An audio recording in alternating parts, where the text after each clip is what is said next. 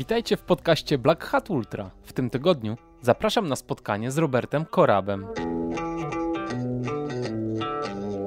Jesteś tu i teraz praktycznie, nie? Tak. Jesteś na szlaku, tak jak powiedzieć, tak jak, tak jak takie zwierzę, które musi przetrwać, które musi tam dobiec i zrobić wszystko po drodze, żeby ten cel osiągnąć, prawda? No i to, to jest takie właśnie powód, że dużo się uczysz, poznajesz też siebie, nie? Może to zabrzmi zbyt brunotnie, ale, ale, ale, walczysz, każdego dnia walczysz o życie, nie? Bo musisz dobiec do celu, żeby w ciepłych warunkach się przespać, bo nie jesteś w stanie tego zrobić na szlaku, nie? Bardzo często po ciężkim etapie przybiegasz do schroniska, a tam się tobą nikt nie interesuje, nie? kuchnia zamknięta, sorry tu. My, my pracujemy i, i, musisz sobie radzić, nie? Tam nikt nie, nikomu nie powiesz bajki, że jesteś na 300 kilometrze GSB i prosiłbym o łagodne traktowanie, nie? No każdy ma to gdzieś, nie? I to nie ma w tym nic złego, po prostu każdy ma swoje życie, nie? Dla nich nie robisz nic specjalnego, nie? To jest, to jest, to jest dla ciebie coś ważne, nie? Także no w, w pewien sposób też... Yy, takie mówisz bieganie, wysiłek, no, no, uczy, uczy takich właśnie, jak to życie tak naprawdę wygląda i co w, co w, tym, co w tym życiu jest właśnie ważne, y, jakie są priorytety.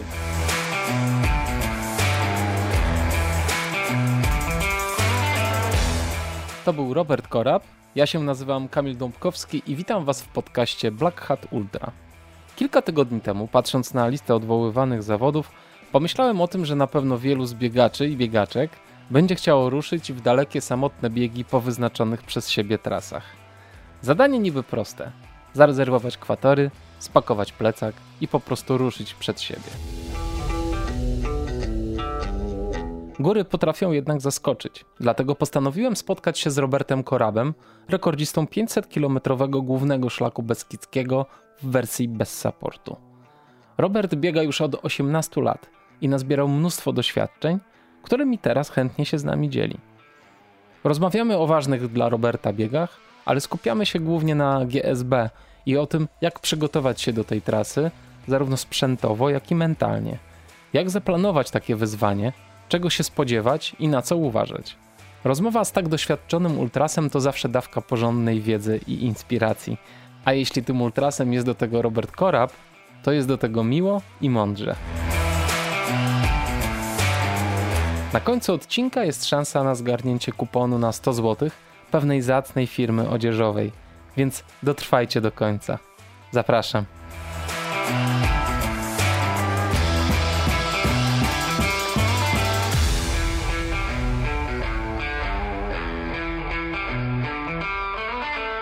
Cześć Robert, witam cię serdecznie. Cześć Kamil, hej.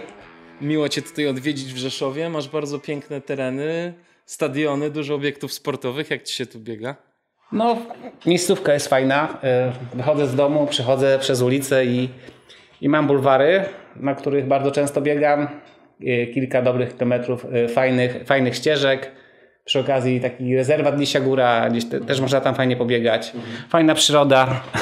także, także warunki do, do uprawiania biegania mam dosyć fajne. Mhm. A od zawsze mieszkasz w Rzeszowie, czy tak, tak. Jestem rodowitym y, Rzeszowianinem. Także cała moja historia jest związana właśnie z tym miastem. Także cały czas. No właśnie, biegasz od 18 lat, to już jest kawałek czasu, nie? No już zleciało. W 2002 y, roku dokładnie przebiegłem swój, swój pierwszy maraton. Mhm. Po, po półrocznym okresie y, przygotowań. A zaczęło się tak dosyć dziwny sposób, bo zacząłem mieć problemy z nadciśnieniem, sporą nadwagę miałem, 100 kg ważyłem. Bolała mnie głowa przez dwa tygodnie. Postanowiłem, że pójdę do lekarza, zapytać się, co jest, nie? miałem wtedy 32 lata. Lekarz stwierdził, że mam wysokie nadciśnienie i yy, zalecił mi stosowanie tabletek e, na obniżanie tego ciśnienia. Stwierdziłem, że to trochę za wcześnie, żeby w wieku 32 lat już do końca życia brać tabletki. Stwierdziłem, że może spróbuję się zacząć ruszać, mhm. trochę rzucam, rzucę masę i, i, będzie lepiej. Lekarz ci zasugerował ruch, czy ty sam to y, wymyśliłeś? Sam, sam jakoś mhm. do, tego, do tego doszedłem. I po trzech miesiącach, y, nie, w kwietniu, to był kwiecień, pamiętam. I po dwóch tygodniach zacząłem się czuć lepiej.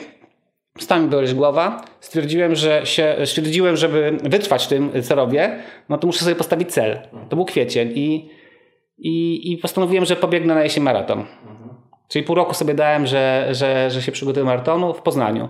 No i po trzech miesiącach tam rzuciłem 10-12 kg, już całkowicie ustabilizowało się ciśnienie, zacząłem się czuć o, o wiele lepiej.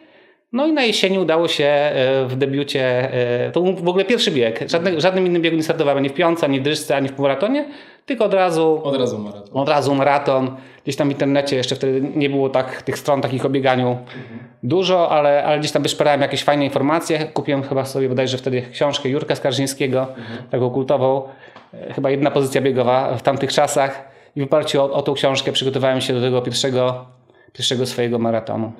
Dlaczego taki duży dystans na początek? No wiesz co, jak już sobie stawiać cele, to już jakieś takie konkretne, nie? Okej. Wtedy jest większa motywacja do tego, że się, że się po prostu człowiek będzie, będzie trzymał w jakimś tam reżimie treningowym. No i zdał egzamin. Fajnie. E, I powiedz, e, długo, trzy, długo biegałeś po asfalcie? Do 2000 chyba 8-9 biegałem e, przede wszystkim asfalt. Miałem też taką przerwę dwuletnią. Wtedy budowałem dom, troszkę inne, inne, inne sprawy miałem na głowie. Miałem taką lekką przerwę. Ale później wróciłem i, i, i, i ponownie biegałem e, asfalt. Pierwszym moim takim biegiem w terenie, takim dłuższym można powiedzieć, to był bieg rzeźnika. W którym Biegany w parze. To był 2000 bodajże 8, u- 8 albo 9, już nie pamiętam dokładnie. No wtedy pamiętam, chyba 70 par startowało w tym biegu. Nie? Także Tak, można powiedzieć, że bieg był niszowy. Jak Tak. teraz jak 700 par, to, można, no to wiadomo, że to coś, jak, jaki duży bieg z tego wyrósł. Wtedy to była kameralna impreza. Jeszcze z bazą zawodów yy, Woli Michowej. O, była baza zawodów. Przyjeżdżało się, wszyscy się znali praktycznie. Yy, Kameralna, fa- fajna impreza. A tutaj do tego biegu rzeźnika trenowałeś tu na tych okolicznych y, rzeszowskich górkach, czy gdzieś wyjeżdżałeś dalej? Tak, wtedy trenowałem. Mamy tutaj, Rzeszów jest akurat z jednej strony jest e, płaski, z drugiej strony zaczyna się już Pogórze e, Dynowskie, e, e, Pogórze Rzeszowskie i jest e, sporo takich e, górek.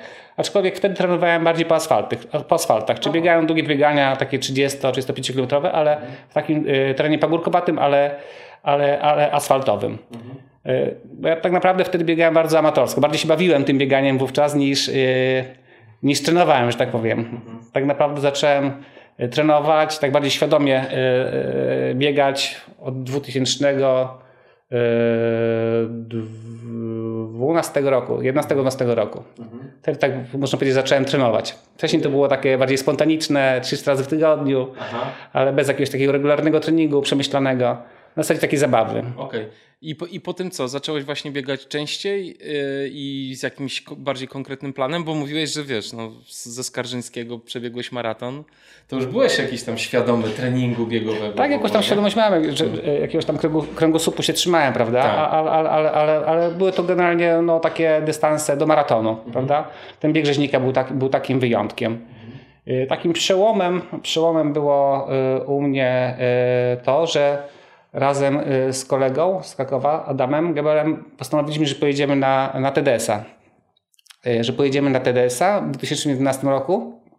Tego TDS-a udało mi się e, dosyć fajnie, w fajnym czasie ukończyć i na następny rok postanowiliśmy, że jedziemy na, na Lavaredo. No i właśnie do tego Lavaredo przygotowywałem się bardzo intensywnie, ponieważ ten bieg tak, no, był dla mnie takim sporym wyzwaniem. Wiedziałem, że muszę się do niego do, dobrze przygotować. I w toku przygotowań do tego biegu, który miał się odbyć pod koniec czerwca, przepracowałem mocno zimę. Yy, Przebiegłem fajnie półmaraton jako taki sprawdzian, yy, właśnie ku swojemu zaskoczeniu, że e, taką bazę zbudowałem podczas tego, tego okresu. Zrobiłem wtedy bodajże 1,24 w połówce. No i postanowiłem wtedy właśnie, że przeatakuję za 2-3 tygodnie w sposób taki nieplanowany maraton. No i udało mi się trochę właśnie tutaj po raz pierwszy w życiu, jedyny do tej pory, złamać 3 godziny, więcej nie próbowałem. No i później z rozpędu pojechałem na Lavaredo, też całkiem, cał, całkiem fajnie mi tam poszło, byłem zadowolony. No i zauważyłem na podstawie tego, że taki właśnie y, reżim treningowy, plan, trening, jakieś cele, do których się człowiek przygotowuje, przynoszą skutek. Y, że, że nawet fajne wyniki jak na siebie osiągam, jestem zadowolony. No i tak trwam od, od, od tego momentu dotąd właśnie w czymś takim. I jaki trening y, robi ci dobrze? To są, nie wiem, długie wybiegania, czy to są też jakieś tempa, czy dorzucasz rower? Po tylu latach do jakiego treningu doszedłeś, który ci podwyższa twoją formę? Ja mam taki kręgosłup y, treningowy, którego się trzymam. y, y, Czyli po prostu staram się zawsze biegać w tygodniu albo bardzo aktywnego crossa, albo, albo bieg ciągły. To jest to. Jest, to, jest to. Również trening podbiegów, jeżeli zdrowie na to pozwala i jest ciało, ciało w, pełni, w pełni sił. i, i długie wybieganie. Mhm. Po ile kilometrów? A długie wybieganie no, 30-40 kilometrów, w zależności do czego się przygotowuję, w jakiej fazie jestem tam e, tego, tego, plan, tego swojego e, planu przygotować. Generalnie mam takie ciało, że właśnie e, ambicje mam, żeby biegać szybko. Wiem, że mógłbym biegać szybciej, czyli stosując te takie bodźce interwałowe, rytmy, ale po prostu mam na tyle, moje ciało jest tak kruche, że jak tylko zaczynam 2-3 tygodnie mocniej trenować, zaraz mi się coś sypie. Albo podbrzusze, albo jakieś elementy inne, jakieś inne ogniwa. Także generalnie staram się odpuszczać takie bardzo intensywne, mocne, interwałowe treningi.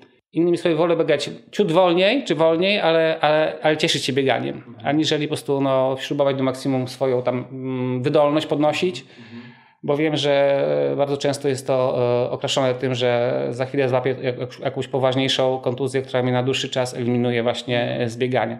Także wolę stosować takie spokojniejsze bodźce treningowe, w wolniejszym tempie treningi, a takim jedynym takim właśnie mocniejszym akcentem to jest ten e, bieg ciągły i podbiegi, prawda? No, fajnie, że znalazłeś swoją drogę w tym wszystkim, bo to właśnie jest chyba super, super istotne, nie? żeby wiedzieć, gdzie są granice Twoich możliwości i co tak naprawdę Ci przynosi radość. Tak, dokładnie. No, no. Trzeba znać swoje ciało, nie? obserwować tak. je. No, tak. Co z tego, że y, ambicjonalnie mógłbym robić trening, a jak czuję, że mnie już coś pobolewa, no to bez sensu jest mhm. iść na trening i robić y, y, kolejną tą samą jednostkę, bo tylko można pogłębić kontuzję i później doprowadzić do takiego stanu, że będziemy to leczyć pół roku, nie? Tak. A, a tak u mnie jest, jeżeli właśnie prowadzę bardzo mocno intensywne takie treningi przez y, kilka tygodni pod rząd, no więc stwierdziłem, że wolę, wolę stosować takie łagodniejsze jednostki treningowe, a, a, a, a po prostu cieszyć się, cieszyć się tym. No słuchaj, chciałem Cię zapytać jako takiego y, doświadczonego biegacza, bo wiesz, teraz na przykład jak ludzie wchodzą w tę dyscyplinę, mówię o biegach górskich, to wiesz, rozkminiają, wiesz, sprzęt, y, buty, diety i tak dalej. Co, co byś powiedział takiej początkującej osobie? Y, co jest tak naprawdę ważne, a co można by po prostu od razu pewnego rodzaju problemy, czy zajawki, czy spostrzeżenia po prostu odrzucić i w ogóle się tym nie zajmować? Co jest, co jest takiego ważnego Twoim zdaniem? Znaczy, moim zdaniem y, podstawową rzeczą to jest to, żeby, żeby czerpać z tego radość. Nie? Bo czasami jest tak, że stawiamy sobie jakieś ambitne cele y, i tylko myślimy o tym, żeby w jakimś to najlepszym czasie zrobić i ucieka nam to, co wokół tego wszystkiego jest y, ważne i bardzo fajne. Y, dla mnie oczywiście też wynik, aspekt sportowy jest bardzo istotny, ale wiem, że wokół tego jest kupa jeszcze innych ciekawych rzeczy. Jak właśnie, Jakich na przykład? Jak, jak znajomi, przyjaciele, jak można sobie organizować fajnie czas, na przykład wyjeżdżając na jakiś trening czy jakieś dłuższe wybieganie, Y, można to połączyć ze zwiedzaniem, prawda? Y, czyli też ten aspekt można połączyć właśnie takim poznawania świata, nowych miejsc. Y, no i przede wszystkim no, małymi krokami też. Nie, nie od razu rzucać się na, na, na, na, na, na, na, na, na głęboki ocean, tylko powolutku, sukcesywnie robić progres, prawda?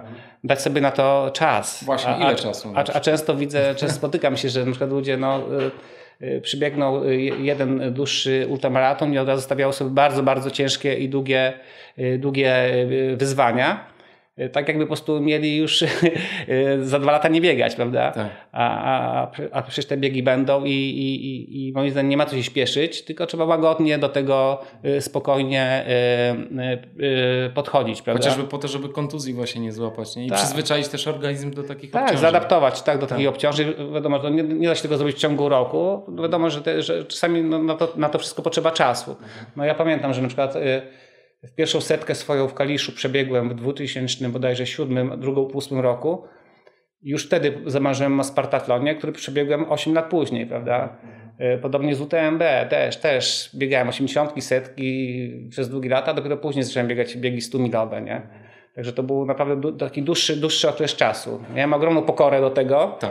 a być może też y, wolałem poczekać i zrobić to dobrze, aniżeli się pośpieszyć, na przykład sparzyć się na tym, prawda? Wiedziałeś po prostu, że nie jesteś gotowy na Tak, takiego. tak, mhm. tak, tak. Natomiast ja sobie za założyłem takie cele pośrednie, też sobie często stawiam takie, które mnie prowadzą do tych długich biegów i na przykład w Spartatonie to było to, że powiedziałem sobie, że nie będę się wybierał na Spartaton, dopóki nie przebiegnę 200 km y, w dobówce, nie? Mhm. Bo skoro nie przebiegnę, przebiegnę 200 km w dobówce, no to nie mam czego tam szukać, nie? No bo co, co, co się będę wyrywał? To szkoda pieniędzy, nie? Tak, tak. I, i, i, i faktycznie przebiegłem y, w Łysych na Mistrzostwach Polskich 210 km i wtedy powiedziałem, ok, zrobiłem to, aplikuję i starałem się obieg, y, obieg w Grecji. No i udało się. Udało się ten Spartaton w dosyć fajnym czasie y, ukończyć. A UTMB też biegłeś, prawda? UTMB, UTMB biegłem dwa lata wcześniej, tak. Aha, Czyli pierwszym moim celem, takim marzeniem, miałem w ogóle dwa marzenia właśnie takie kiedyś, właśnie to UTMB mhm. i drugim był Spartathlon. I w 2000 bodajże 14 ukończyłem UTMB i po ukończeniu UTMB przystąpiłem do realizacji kolejnego wyzwania, e, e, marzenia i, i, i ukończyłem właśnie Spartatlon. Właśnie, Robert, ostatni rok miałeś bardzo udany też, prawda? I zrobiłeś dwie bardzo fajne imprezy. Jedna to była w Andorze, a druga to był twój prywatny projekt Pokonanie GSB. Czy to też były gdzieś tam na pewnym etapie twoje marzenia, które się pojawiły, do których doszedłeś sobie tak powoli? Tak, wiesz co, w 2011 roku, jak byłem na TDS-ie, taki mój pierwszy zagraniczny i ciężki, długi bieg, było Expo w Chamonix, na, na które wszedłem i y, y, tam swoje stoisko mieli właśnie przedstawiciele biegu z Andory właśnie, tego całego festiwalu. Mhm. Pamiętam, wziąłem sobie wtedy naklejkę z tego reklamującą ten bieg, nakleiłem sobie na drzwiach wejściowych do mieszkania, zresztą jak wchodziłeś, nie, wiem czy zwróciłeś uwagę, ale do tej pory wisi z zewnętrznej strony. No i ten bieg gdzieś tam pod moją czaszką cały czas się znajdował, tylko że wiedziałem, że to jest naprawdę no, mega wyzwanie. 170 km, 13,5 tysiąca metra pionu bardzo trudne technicznie ścieżki. No i on tam sobie tam gdzieś tam, tam w głowie dojrzewa. No i zrealizowałem UTMB, zrealizowałem, zrealizowałem yy, Spartaton, więc yy, w tamtym roku przyszedł czas, yy, czas na rondę. A tak sobie wymyśliłem, że może uda się pogodzić i upiec dwie pieczenie na jednym ogniu, czyli przebiec w pierwszej połowie roku Andorę, wypracować sobie fajną bazę w toku przygotowań do tego biegu, no wiadomo, trzeba było dużo pionów robić, bardzo ciężki trening, bo bardzo ciężki bieg. Później odpocząć miesiąc, dwa i pobiec właśnie na bazie tego, co na pracowałem, tego. Mhm. pobiec sobie właśnie główny szlak Beskidzki. Oczywiście pod warunkiem, że będzie zdrowie, nie będzie kontuzji i, i, i, i, i zagra pogoda i tak dalej. Ale taki był plan. Robić właśnie e, przygotowanie do rondy, zrobić rondę, odpocząć miesiąc, półtora, dwa i pobiec właśnie główny szlak Beskidzki w oparciu o, o tą bazę, którą miałem przygotowaną w drodze do rondy. Okej, okay. E, i powiedz, jak wyglądał Twój rok przygotowań, e, czy też sezon przygotowań do rondy? W ogóle, e, czy sobie sam napisałeś ten plan treningowy swój własny? Czy... Tak, tak, tak, sam sobie układam. Jeszcze znam swoje ciało, tak. wiem, wiem, znam swoje troszeczkę też możliwości. Tak, użyłem sobie, sobie sam plan. No wiadomo, na rondzie duże piony, 13,5 tysiąca metra pionu, więc wiadomo, że trzeba było przygotować ciało, nogi, cały organizm do, do tego, żeby, żeby tych, tych kilometrów, y, tych przewyższeń trochę, trochę pokonywać. Tak. Dlatego założyłem sobie tak głównie, że y, w kwietniu mm, będę robił tygodniowo od 3 do 3,5 tysiąca metrów pionu tygodniowo i co miesiąc o 1000 będę zwiększał, czyli w maju do 4,5, a w czerwcu zwiększyłem nawet do 5,5 tysiąca pionów tygodniowo. Tyle robiłem. To było takie moje, y, nie tyle właśnie objętość kilometrowa, co dla mnie przede wszystkim liczyły się pokonane piony, czyli podejścia i zbiegi. No i wiadomo, mieszkam w Rzeszowie, tych gór Wysokich te, nie ma. Tych, tych, nie ma, więc trzeba było sobie jakoś radzić, trzeba było e, plan działania jakiś wymyślić, żeby, żeby te piony gdzieś tu nabijać. Y, więc mamy też taką górkę tutaj obok Rzeszowa, nieduża, bo 80 metrów, ale pokonywana kilkanaście, kilkadziesiąt razy daje ten pion. Więc tu z załogą Rzeszowa z kolegami jeździliśmy co czwartki, no i robiliśmy ten 1000-1500 metrów pionu właśnie na Ile razy tę górkę musiałeś zrobić? Raz w tygodniu. A... Tak, ale ile razy musiałeś wbiec na tę górkę, żeby pi odpowiedni pion zrobić? Takim standardem to było, że nie, nie, nie jedziemy na trening, kiedy nie robimy tysiąca, nie? Mhm. Czyli przynajmniej te 14-15 razy to był taki, to, to, czyli te, te tysiąc pionów, żeby nabić, trzeba było 14-15 razy na tą górkę, e, a że taka fajna stroma, także można było e, naprawdę e, fajny trening zrobić, no ale wiadomo, nic nie zastąpi prawdziwych gór, więc często w weekendy jeździliśmy, czasami sam jeździłem na dwa dni, na przykład na Skrzyczne, bo Skrzyczne jest taką dosyć konkretną, fajną górą, też kamienistą, nie jest łatwą technicznie. Tam jest 700 bodajże, albo 750 metrów pionu przewyższenia, także już takim jednym ciągiem można robić, prawda, e, pod górę albo, albo zbieg. No jechałem przykładowo, robiłem sobie jednego dnia, tam w sobotę 3000 e, pionu czy 2,5 w zależności od miesiąca. Na, na, na, drugi dzień na zmęczenie robiłem przykładowo tam 1500, już trochę mniej. Nie? już te, tego pionu jak zliczyłem, ten to sobotnie niedzielę plus babica, już y, można było zrobić konkretne przewyższenie nie? Na, na, na, podstawie tych trzech dni. No, czasami też wykonywałem pracę przedstawiciela handlowego, także miałem też taki swój region, w którym działałem właśnie Polskę Południową, Także czasami, także czasami w tygodniu zatrzymywałem się na przykład w Szczyrku bardzo często właśnie, bo tam też miałem klientów w Bielsku.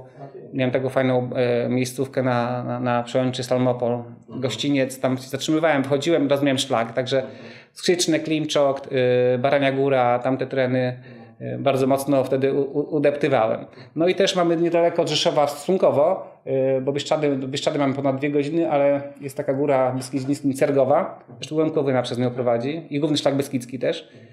I tam jest na 2,5 km bodajże 350 metrów przewyższenia. Także jest taka konkretna dzida i tam bardzo często też jeździłem albo jeździliśmy i albo robiłem treningi góra-dół, góra-dół po kilka razy, żeby ten pionik, pionik wyszedł, albo robiliśmy jakieś tam dłuższe wbieganie, jakąś pętlę, gdzie, gdzie te piony też można było fajnie nabić, a stosunkowo też niedaleko, mówię, bo godzina, godzina 15 to jest, to nie jest jeszcze taka, e, czasowo tak dużo nie zajmowało, prawda?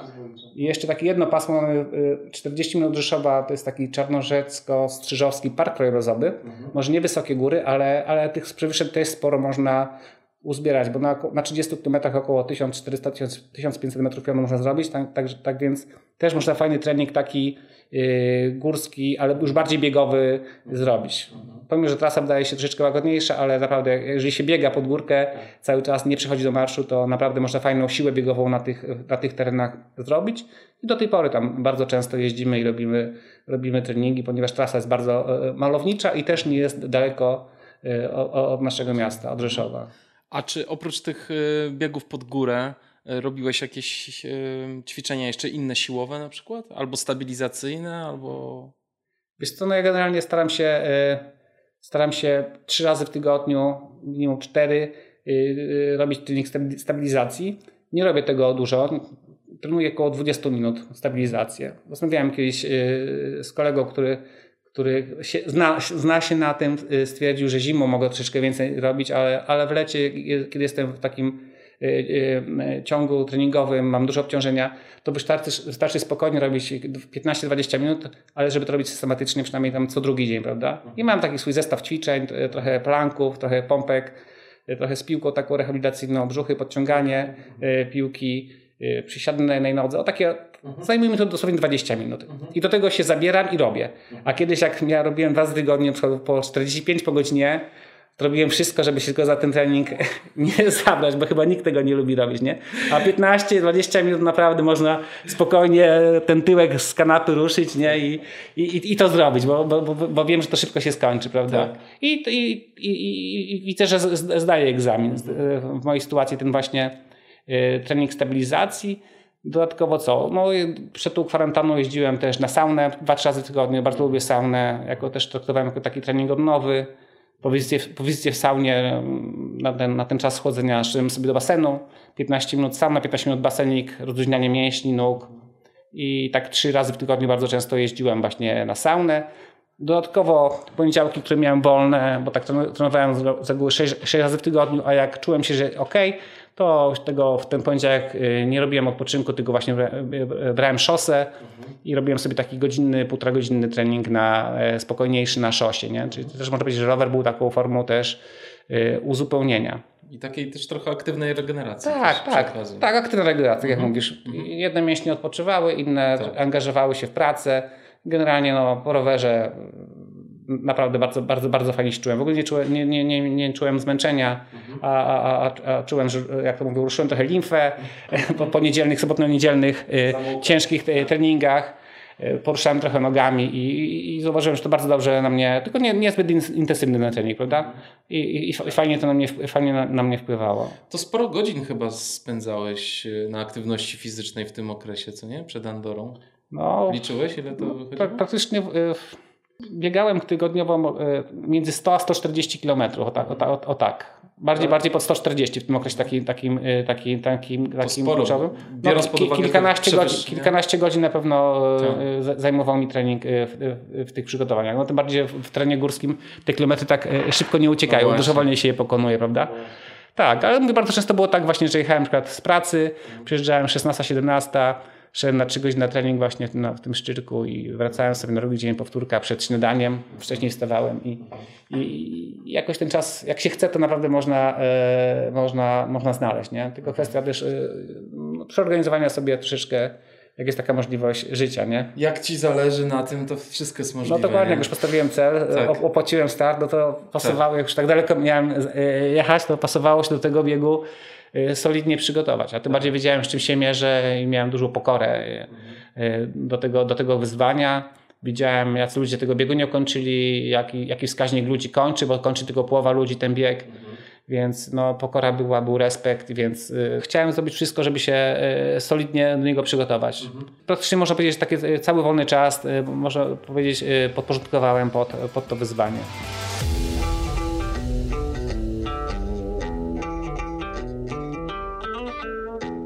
Powiedz, jak ten bieg spełnił twoje oczekiwania? Tak, my w ogóle jadąc do Andory stwierdziliśmy z kolegami, bo w, piątkę pojechaliśmy, że jak już tam się y, wybieramy, tak daleko, no to No pasuje... bo to są Pireneje, prawda? Pireneje, Pireneje. Nigdy w Samochodem jechaliście? Nigdy w Pirenejach nie byłem. E, co, po- podzieliliśmy się. Ja z kolegą pojechałem samochodem z przyczepą, a reszta załogi, te trzy osoby przyleciały samolotem. Kolega pojechał e, z przyczepą, ponieważ e, po festiwalu w Andorze miała przyjechać do niego rodzina i, i w Hiszpanii mieli sp- spędzić pozostały czas na wybrzeżu. Także on, on zostawał, a myśmy wracali. E, Ja wróciłem z kolegami później samolotem, prawda? Także przy, e, przy, przyjechaliśmy samochodem, reszta załogi przyleciała, e, przyleciała samolotem. No i po, po dniu e, a, takiej aklimatyzacji na miejscu rozbiliśmy się w tym na kempingu w, w Ordino. Wcześniej wymyśliliśmy, że zrobimy sobie taki, takie przejście wokół Andory. Byliśmy przed biegiem 11 dni, więc stwierdziliśmy, że w 6 dni przejdziemy taki główny szlak wokół tego e, uroczego państwa. 120 km z przewyższeniem około 10 tysięcy metrów. Plecaki, tobołki ze sobą, jedzenie ze sobą i przez 6 dni przeszliśmy e, śpiąc po takich e, schronach, schroniskach darmowych cały szlak GRP. Odpoczęliśmy później 4-5 dni i każdy z nas pobiegł w swoich zawodach. Ja pobiegłem e, w najdłuższym takim tym biegu indywidualnym, czyli w rondzie Del Steams 170 km, a pozostali w tych e, też trudnych, ale, ale, ale tych mniejszych, kró- krótszych biegach. No i już, już jak robiłem GRP, GRP, zdałem sobie sprawę, co mnie czeka, bo widziałem, nie, część tego szlaku GRP pokrywała się z trasą rondy, więc jeszcze ta pokora, pokora się wzmogła do tego biegu. E, Zauważyłem, jak jest, jak, jak, z takimi technicznymi e, przeszkodami się będę musiał mierzyć w postaci tych właśnie kamieni e, i, i, i przewyższeń. No i, no, i, no, i, no, i, no i tak w istocie było. Ja na przykład nie mam nigdy problemów ze stopami, do tej pory nie miałem. Zawsze stopy miałem, mówiłem zawsze pancerne. Widziałem wielokrotnie po biegach, że ludzie oglądali swoje stopy, pokazywali, no wyglądały niesamowicie zniszczone. Mnie rzadko zdarzały się jakieś minimalne pojedyncze pęcherze. A na 80 km rondy, 80 km rondy, po prostu miałem tak zniszczone stopy i tak obolałe, że mm, skłaniałem się już y, w kilku momentach do tego, żeby zakończyć bieg, ponieważ każdy, każdy zbieg y, w dół, nawet najmniejszy, powo- powodował ogromne, ogro- ogro- ogromny ból. Miałem odbite pięty, pęche, pęcherze na, pod palcami. No całe stopy miałem totalnie, po prostu można powiedzieć, zaorane. No i perspektywa, że kolejne 100 km muszę pokonać na takich nogach. To, to mnie troszeczkę spowolniło. Przeżywałem ten taki ogromny kryzys mentalny, bo wahałem się czy nie zejść, nie? bo gdzieś tam sobie w głowie poukładałem, że łamię 40 godzin, bo czułem mięśniowo, czułem, bo fizycznie czułem się fajnie, było wszystko ok, a niestety stopy po prostu no, najsłab- były najsłabszym ogniwem. Po prostu. Czy, jak myślisz, czemu akurat y, na tym biegu, na tym terenie te stopy odmówiły ci posłuszeństwa? Nie wiem. W czym to się różniło Nie od wiem. pozostałych biegów? Nie, nie, mam, nie, nie mam pojęcia, Mhm. ale, ale wydaje mi się, że y, prawdopodobnie do tego przyczyniły się y, bardzo strome zbiegi i techniczne. A, a głównie ten zbieg do Marginedy, do tego punktu właśnie na 80 km, który był pierwszym przypakiem, y, 1600 pion na 7 km traciliśmy, gdzie podłoże było bardzo takie sypkie, bardzo strome i trzeba było bardzo dużo sił wkładać w hamowanie. I to naprawdę nie na, nie, na, nie, nie minutę, dwie, tylko ponad dwie godziny ten zbieg trwał. Prawie dwie godziny zbieg 7-kilometrowy, to sobie wyobraź. Żebyś dwie godziny zbieg dwukilometrowy, nie? I to wcale nie szedłem, nie? No to dużo sił właśnie tracić na, na, na hamowanie, na, na utrzymywanie kontroli, na, żeby się utrzymać w ogóle na powierzchni. Prawda? Żeby sobie Oczywiście z kijkami, prawda? Biegasz. Tak, z kijkami, z kijkami. No i właśnie tam przez to hamowanie takie, e, takie częste wbijanie tych stóp w podłoże, myślę, że tam dobiłem te, te stopy, które pewnie wcześniej już były na, naruszone i, i, i napoczęte tymi wcześniejszymi y, y, trudnymi odcinkami. Tym bardziej, że no, pierwsza część rondy jest zdecydowanie y, trudniejsza od, od, od tej drugiej. No i nie wytrzymała mi ta, ta, ta skóra na stopach. Okazuje się, że była chyba za mało zahartowana. Nawet później, jak rozmawialiśmy z kolegami, że gdybyśmy jeszcze kiedykolwiek e, raz się podwali na to, żeby wystartować właśnie tam, to trzeba było więcej właśnie robić treningów, na przykład w Tatrach, na przykład, gdzie jest takie podłoże bardziej trudne technicznie, gdzie te zbiegi są strome, gdzie, gdzie, gdzie ta skóra miałaby czas na to, żeby się zahartować, y, może, może wzmocnić w jakiś sposób, prawda? Żeby bodźcować właśnie ten element ciała, bo on u mnie w moim przypadku był najsłabszy. Całe ciało fajnie wytrzymało, mięśniowo, bardzo dobrze się czułem, ale stopy, mówię, przez dwa tygodnie później jeszcze e, po tym biegu leczyłem. Ciekawe, po takich takiej ilości kilometrów, jaką no, zrobiłeś? No i po tych przewyższeniach, które robiłem w ramach przygotowań, no prawda? Bo no to właśnie. było tylko sporo. A słuchaj, a to nie była kwestia pogody? Tam nie, y, jaką miałeś pogodę? Nie padał deszcz albo... Nie, nie pogody, pogoda była, wiesz co, no jak na Andorę, 30 stopni, lampa była dosyć spora. Także, ale było sucho, czyli nie było, nie, nie, było, nie, było, nie było ślisko, nie było mokro. Tam przez jakieś strumienie nie musiałeś przechodzić? Nie, nie, nie, nie miałem butów przemoczonych. Po prostu no, do, do tej pory dla mnie to jest właśnie niespodzianka, dlaczego, dlaczego tak się stało. Tym bardziej miałem buty z grubą podeszwą, nie miałem butów cienkich, tylko z taką słoninką konkretną. Ale to jest taki piękny przykład na to, że, że w tego typu biegach wszystko jest możliwe. Co? No, ja bym się wszystkiego spodziewał, po prostu nigdy bym sobie nie spodziewał, że mi siądzie akurat, siądą mi stopy, bo to, no, nigdy nie miałem problemu z tobą, nigdy ze stopami. Ja biegłem przecież te, też y, kupę y, trudnych, ciężkich, y, technicznych biegów a tu na 70 kilometrze, nie? No fakt, że 17 godzin, bo tak, bo tak na rondzie powoli kilometry uciekają, ale na tej, na, na tej, w tej fazie biegów nie, nie, nie, spodziewałem się, że będę miał już y, y, tak, tak zniszczone właśnie te stopy, nie? I musiałem przez, dlatego właśnie miałem taki mentalny kryzys później. Uszło ze mnie, ze mnie para powietrze, bo gdzieś sobie w głowie pokładałem, że robię to poniżej 40 godzin. Z takim planem jechałem, ambitnym i stać mi było na ten plan, uważam ale niestety musiałem sobie na nowo wszystko w głowie poukładać, że, że, że już tego wyniku nie zrobię, bo nie jestem w stanie szybko y, zbiegać, wykorzystywać grawitacji i nadrabiać tego czasu. Moje tempo troszeczkę, trochę spadło, ale postanowiłem, że kurczę, już tyle przyjechałem, jak złamię poniżej 48 godzin, ten jak zrobię w tym stanie y, stóp, to i tak będę, będzie sukces. No jak sobie to na nowo wszystko poukładałem, to motywacja się na nowo pojawiła, y, duch walki we mnie wstąpił, no i udało się ten bieg w 45 godzin w sumie y, ukończyć, także też y, w fajnym, fajnym, fajnym czasie. Nie? Tam byłem chyba 50 na, na, na 450 osób, które wystartowały. Super. A mogło być dużo lepiej, ale ale po prostu, no niestety, no tak miałeś... jak mówiłeś, nie wszystko jesteśmy w stanie przewidzieć. No, tak. widzisz, no niby wydawało mi się, że na każdy aspekt y, zwróciłem y, uwagę i, i, i tak dalej, a tutaj, kurczę, takie Zawsze totalne zaskoczenie, no, no, że, że, nie, że nie wytrzymały stopy. No ale to jest też materiał do analizy, tak, tak jak powiedziałem wcześniej na, na, przyszłość, że właśnie już widzę, że podobna, podobna techniczność biegu podobna skala trudności, trzeba po prostu więcej robić takich treningów w bardzo, bardzo wymagającym terenie, bo te 20, 30 chyba były y, za krótkie właśnie, żeby, żeby te stopy popracowały, nie? E, a po tym biegu jak? Czułeś się dobrze? Długo dochodziłeś do siebie, czy od razu wróciłeś już do, do treningów? Co, fizycznie, fizycznie po, rondzie, po rondzie się czułem e, bardzo fajnie. No tak jak powiedziałem wcześniej, czułem się przygotowany. Tak. Tym bardziej, że biegłem wolniej, to też tak nie skatowałem się, po prostu stopy nie mogłem tak szybko napierać. Także ja mięśniowo bardzo dobrze się czułem, wydolnościowo, tylko że przez dwa tygodnie... Yy, Leczyłeś stopy. Tak, le, leczyłem stopy. No, także po prostu zanim się to wszystko pogoiły, tak, mhm. pogoiło, bo było naprawdę bardzo takie potwierane rany.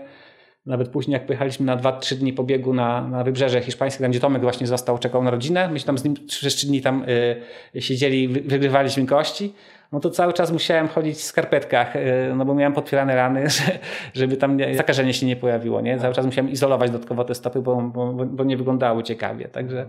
Także po rondzie y, fizycznie czułem się dobrze, stopy wróciły do siebie, no i miesiąc później pobiegłem w Granitat, jako taki, można powiedzieć, y, start kontrolny. Y, I ten, to grałem, to grałem też, też w fajny, fajny, fajnym, fajnym, fajnym, fajnym czasie. Jak dla mnie do 40 km biegłem zachowawczo, bo nie wiedziałem jak ciało jeszcze po tej ostatniej eskapadzie, ale na Kasprawym stwierdziłem, że jest, że jest ok, że fajnie się czuję. No i troszeczkę tam y, końcówkę przyspieszyłem, się pościgałem. Kilka dni po biegu czułem się bardzo fajnie. Mówię, kurde, czy jest po prostu fajna wydolność, y, szybko się regeneruje stopy rzuciły do siebie. No i dwa tygodnie później stwierdziłem, że już byłem wcześniej zapisany, że biegnę Janosika, legendę, też tam 110 km po tatach. Czyli, czyli też bardzo trudny bieg. Już w głowie miałem, że jeżeli po tym biegu wszystko będzie ok, postanowiłem, że, że go pobiegnę wolniej, nie na maksa, żeby zrobić sobie takie po prostu dłuższe wybieganie, dosyć takie intensywne. Jeżeli będzie po tym biegu wszystko ok, to, to za 3-4 tygodnie y, robię GSB.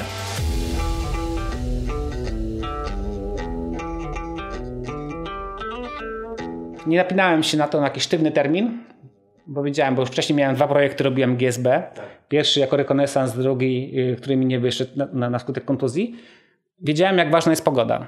Przy takim, yy, takiej formule, jak ja robiłem, czyli bez wsparcia samotnie, z plecakiem, ze wszystkim, z, wszystkimi, z wszystkimi rzeczami ze sobą.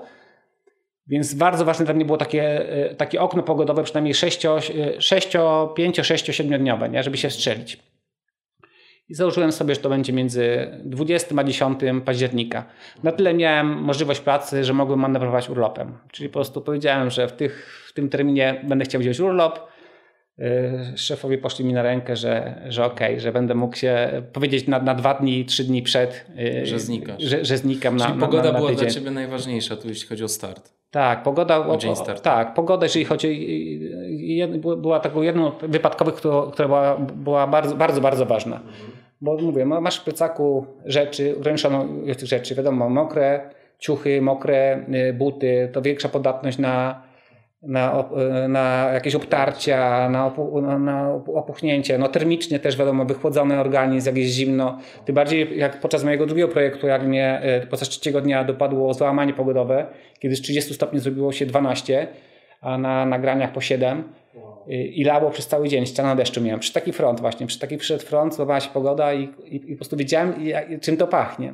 I wtedy właśnie tego trzeciego dnia, jak robiłem y, ten, ten, ten drugi GSB, który nie udało się kończyć, stwierdziłem, że jak przeżyłem już ten dzień z taką nawałnicą przez, całe, przez, całe, przez całą dobę i, i z takim zimnem, to już nie ma szansy, żebym tego projektu wtedy nie ukończył, nie? A tu się okazało, że bardzo bolesna kontuzja stawu skokowego na 40 km przed końcem mnie e, tego pozbawiła, nie? Dlatego wiedziałem na podstawie tej, tej, tej, tego dnia, jak to jest ważne i, i, i, i znaczące, żeby, żeby jednak ta pogoda była fajna.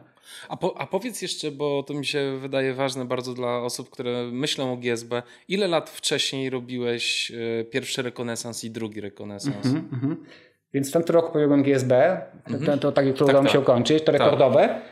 A dwa wcześniej? To był w 2019, a w 2015, czyli 4 lata wcześniej, postanowiłem, że pokonam GSB y, po raz pierwszy, nie? E, jeszcze szlak znałem, część szlaku znałem wówczas y, z biegu rzeźnika, bo cały bieg rzeźnika, tego klasycznego starego przez Płoniny prowadził właśnie czerwonym szlakiem. Wersja hardcore, hardcore 100 km właśnie od Komańczy do, do Włosatego, a wersja klasyczna do Uszczyk, czyli 80 km, ale wszystko po czerwonym głównym szlaku yy, beskidzkim. Yy, trasę, trasę pozostałą uznałem jeszcze jako Beskid Niski. Tam pamiętam z kolegą, z Wojtkiem Stroką, yy, Pojechaliśmy chyba rok wcześniej i zrobiliśmy sobie taki, przebiegliśmy właśnie z, Krynicy do, do Komańczy, jeszcze przed Łemkowyną. jeszcze Łemkowyny nie było, myśmy już Łemkowynę wtedy na dwa, na dwa dni sobie zrobili. Nie? Pierwszego dnia pojechaliśmy z, z tego, z do, do Chrowej, tam żeśmy się przespali i na drugi dzień żeśmy sobie taką dwudniówkę zrobili, przebiegliśmy do, do Komańczy. Także można powiedzieć, że miałem 250 km tego szlaku, czyli połowę już znaną. Ta druga połowa była e, dla mnie mniej, mniej, mniej znana, aczkolwiek nie do końca, bo tak jak mówiłem wcześniej, na tym skrzycznym właśnie często trenowałem, bo tam spałem w Szczyrku, a tam też jest część tras, która się e, właśnie, która zawiera się w głównym szlaku beskidzkim, aczkolwiek już znacznie, znacznie mniejsza. No i postanowiłem właśnie w tym 2015 roku, że, że zrobię ten, ten, ten, ten, to GSB. Troszeczkę o tym całe. Troszeczkę już wcześniej mi to po głowie chodziło, troszeczkę w internecie o tym poczytałem.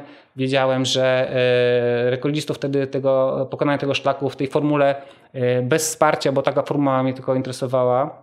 E, samotnie był Piotr Kosowicz, jako pierwszy zrobił to poniżej 7 dni. Ja się nie czułem na tyle mocny wówczas w takich właśnie wielodniowych wyzwaniach. Była to dla mnie takie nowum. Y, do tej pory biegałem cały czas w zawodach tylko, albo w takich treningowych, dwa, dwa treningi, y, ta dwudniówka z Wojtkiem. No to mówię, tak bezpiecznie jako rekonesans trasy pobiegnę sobie i podzieliłem sobie ten cały GSB na 10, na 10 dni. No i wychodziło to średnio, że każdego dnia pokonywało się około 50 km. Wiadomo, nie było idealnie, raz było 45, raz było 55, raz było 65, raz było 40, ale generalnie w 10 dni wtedy y, biegając tylko za dnia, y, jadąc, jedząc normalnie śniadanie, y, poświęcając dużo czasu na sen, na regenerację, na odpoczynek, na zatrzymywanie się w schroniskach, na spokojnie pokonałem to w ciągu 10 dni, aczkolwiek nie był to spacerek, bo to też był mega ciężki wysiłek, ale w jednym kawałku kończyłem żadnej kontuzji, żadnego urazu, w fajnej formie. Yy, na tyle fajnej, że miesiąc później pojechałem na Dolnośląski Festiwal Biegów Górskich i wystartowałem w biegu siedmiu y, szczytów. To fajny I, trening pod no, siedem. No i zająłem drugie miejsce na tym biegu, na, na, siedmiu, na, na siedmiu szczytach. Także, Ale jaki także, czas miałeś? Także, także ten, y, ten, ten, to GSB okazało się Tak. takim świetnym treningiem pod, Tak. pod bieg siedmiu szczytów. Także jakby ktoś chciał, to, Polecam. to masz tak przetarty, jak się przygotowałeś do siedmiu szczytów. także ten... I, Wiesz co, 36 godzin wtedy zrobiłem. A, Było, był, był okropny upał wtedy. Y, Biegłem, y, pojechałem na te zawody y, całkowicie z nastawieniem takim, że biegnę i zobaczę co będzie. Pierwszy mój taki długi bieg na, na- na, na 240 km. Tym bardziej pod głową miałem, że za rok będę robił Spartaton. Także ten upał mi odpowiadał, bo na Spartatonie podobne warunki panują. Dystans podobny, Spartaton 246, tutaj 240. Więc był, świetny, był to świetny sprawdzian, żeby sprawdzić swoje ciało, organizm właśnie w taki, taki poligon w takich podobnych warunkach. Pobiegłem bardzo zachowawczo, chyba na pierwszym punkcie byłem 40, 30. Biegłem powoli, robiłem swoje. Wtedy to jeszcze były lata, kiedy startowało niewiele osób, prawda? No wtedy chyba, chyba około 150 startowało, nie? Z- Czy 150, tylko o, były bardzo ciężkie warunki, był bardzo duży upał i, i mam wrażenie, że wielu ludzi ten upał wykończył, albo też niektórzy po prostu przeszacowali swoje możliwości, nie uwzględniając tego, y, jaka jest pogoda.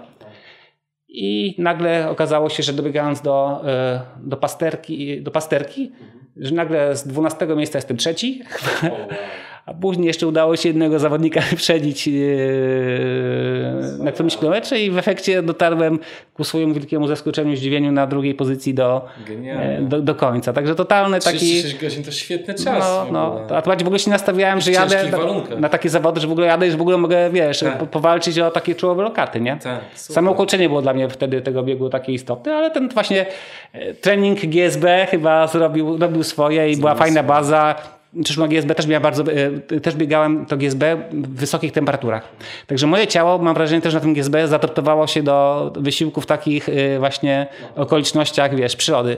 I to zaprocentowało właśnie później na, na, tych, na tym biegu siedmiu szczytów. No i ukończyłem e, ten bieg siedmiu szczytów. Już miałem szlaki przetarte, wiedziałem jak, to, jak wygląda szlak, jak to smakuje.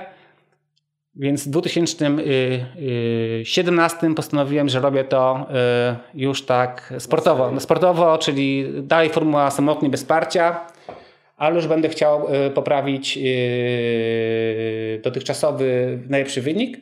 I, I wtedy miałem już też plan, żeby zrobić to poniżej 6 dni, jako pierwsza osoba. Czyli tak jak Piotr Kosowicz zrobił to jako pierwszy poniżej 7, ja chciałem być pierwszą osobą, która to pokona poniżej 6. Czyli taki ambitny, ambitny cel. I tak sobie poukładałem cały właśnie start w tych zawodach.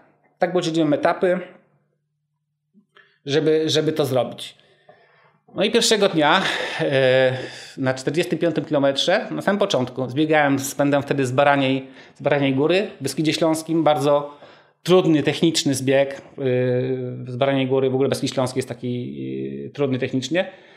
I już na 50 kilometrze uciekła mi noga, zwichnąłem nogę. Za chyba kilometr dalej poprawiłem. Yy, straszyłem się, no, noga mi zaczęła boleć. Biegłem do węgierskiej górki.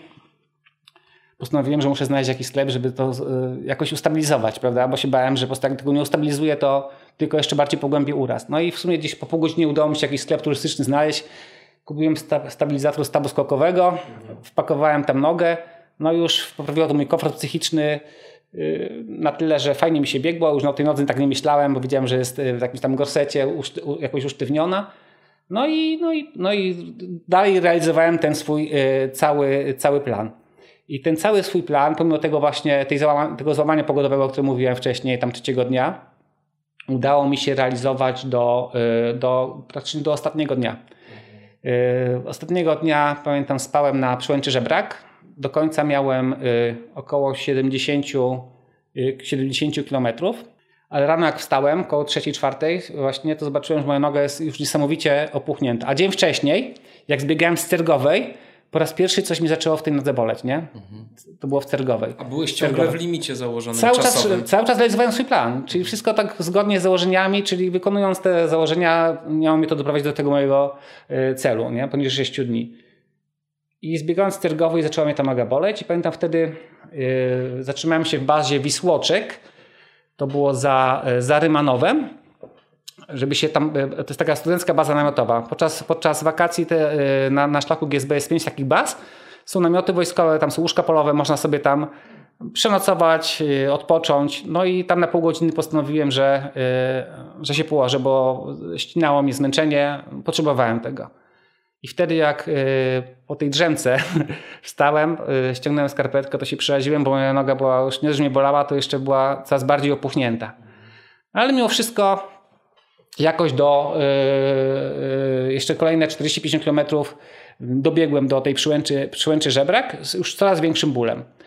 No i tam przespałem się bodajże około 3-4 godziny właśnie w tej, na, e, tam w tej, w, tej, w tej bazie na przełęczy żebrak i, i jak powiedziałem, jak rano wstałem po prostu, to jak zobaczyłem swoją nogę, to już ledwo mieściła się w bucie, a ból stawał się coraz bar, e, bardziej e, taki, mówię, nie, nie do opanowania, prawda, ta, ta bolesność tej stopy.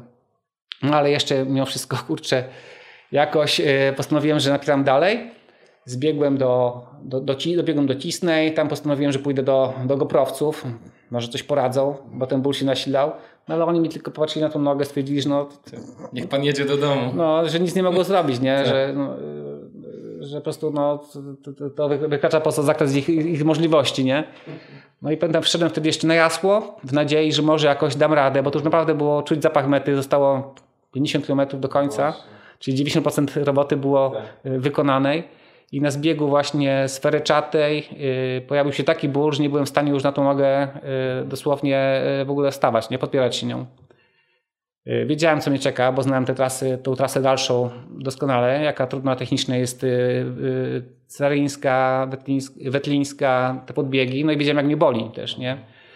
Do tej pory nigdy nie, nie, nie z, trasy praktycznie żadnego biegu na skutek jakiejś tam kontuzji, ale ta była taka, że była po prostu no, taka, taka bolesność, że nie, nie była nie do wytrzymania. Nie? No i podjąłem decyzję we wsi w Smerek, że, że na 46 km przed końcem, że, że, kończę, że kończę zawody. Za tym sercem musiałem się, musiałem się poddać. No Ciężka bo, decyzja. No, no, no, bo pomimo, że nawet gdybym praktycznie szedł w takim tempie turystycznym, to by, był, byłem w stanie y, zmieścić się poniżej tych 6 dni. Tylko żeby nawet iść, a, a, a nie tyle biec. No ale, no ale nie było szans, bo ból był taki, że, że, że, że nie, nie, dało, nie dało się go pokonać, który uniemożliwił mi nawet takie powolne przemieszczanie się. Nie? No i no cóż, no trzeba było wrócić do rzeczywistości, jakoś z tym żyć. Y, gdzieś to sobie niby w głowie poukładałem, że no, to jest tylko sport, że, że, że, że nie jest to najważniejsza e, rzecz w życiu, w życiu, ale mimo wszystko gdzieś tam jakieś takie niespełnienie w środku cały czas było, nie? Ale nie napinałem się, widziałem jak to boli, widziałem jaki to jest wysiłek y, niesamowity. Y, bieg właśnie y, bez wsparcia, masz wszystko na głowie, wszystkim musisz myśleć, wszystko analizować, pogodę, jedzenie, picie, spanie. No, no jest to też w pewien sposób niebezpieczne, prawda? Bo jak coś źle obliczysz, źle przeliczysz, no to, mo, to jesteś sam na szlaku, nie? Nikt, nikt, nikt, nikt ci nie pomoże, nie? Czy w razie załamania pogodowego, jak będzie zimno, wychłodzisz się, źle obliczysz czas na, dotar na dotarcie, czy przymoczy ci wszystkie ciuchy, prawda? No to, no to, no to może się skończyć źle. No, no, ale, no ale stwierdziłem, że na, na pewno za następny, rok, na następny rok tego nie będę robił, poczekam na dogodny moment. No i ten, y, żeby, żeby zmierzyć się ponownie z tym szlakiem i, i, i wyrównać, ten, ten, wyrównać rachunki. No i, no i taka właśnie y, sposobność nadarzyła się w 2019 roku, kiedy właśnie stwierdziłem, że jadę na Andorę. I to, co sobie wymyśliłem, że robię Andorę, robię bazę pod nią, a później korzystam z niej i robię ten yy, ponowne starcie z, z Głównym Szlakiem Beskidzkim. Też poniżej 6 dni, a być może nawet jeszcze yy, pobiegnę trochę mocniej. Mhm.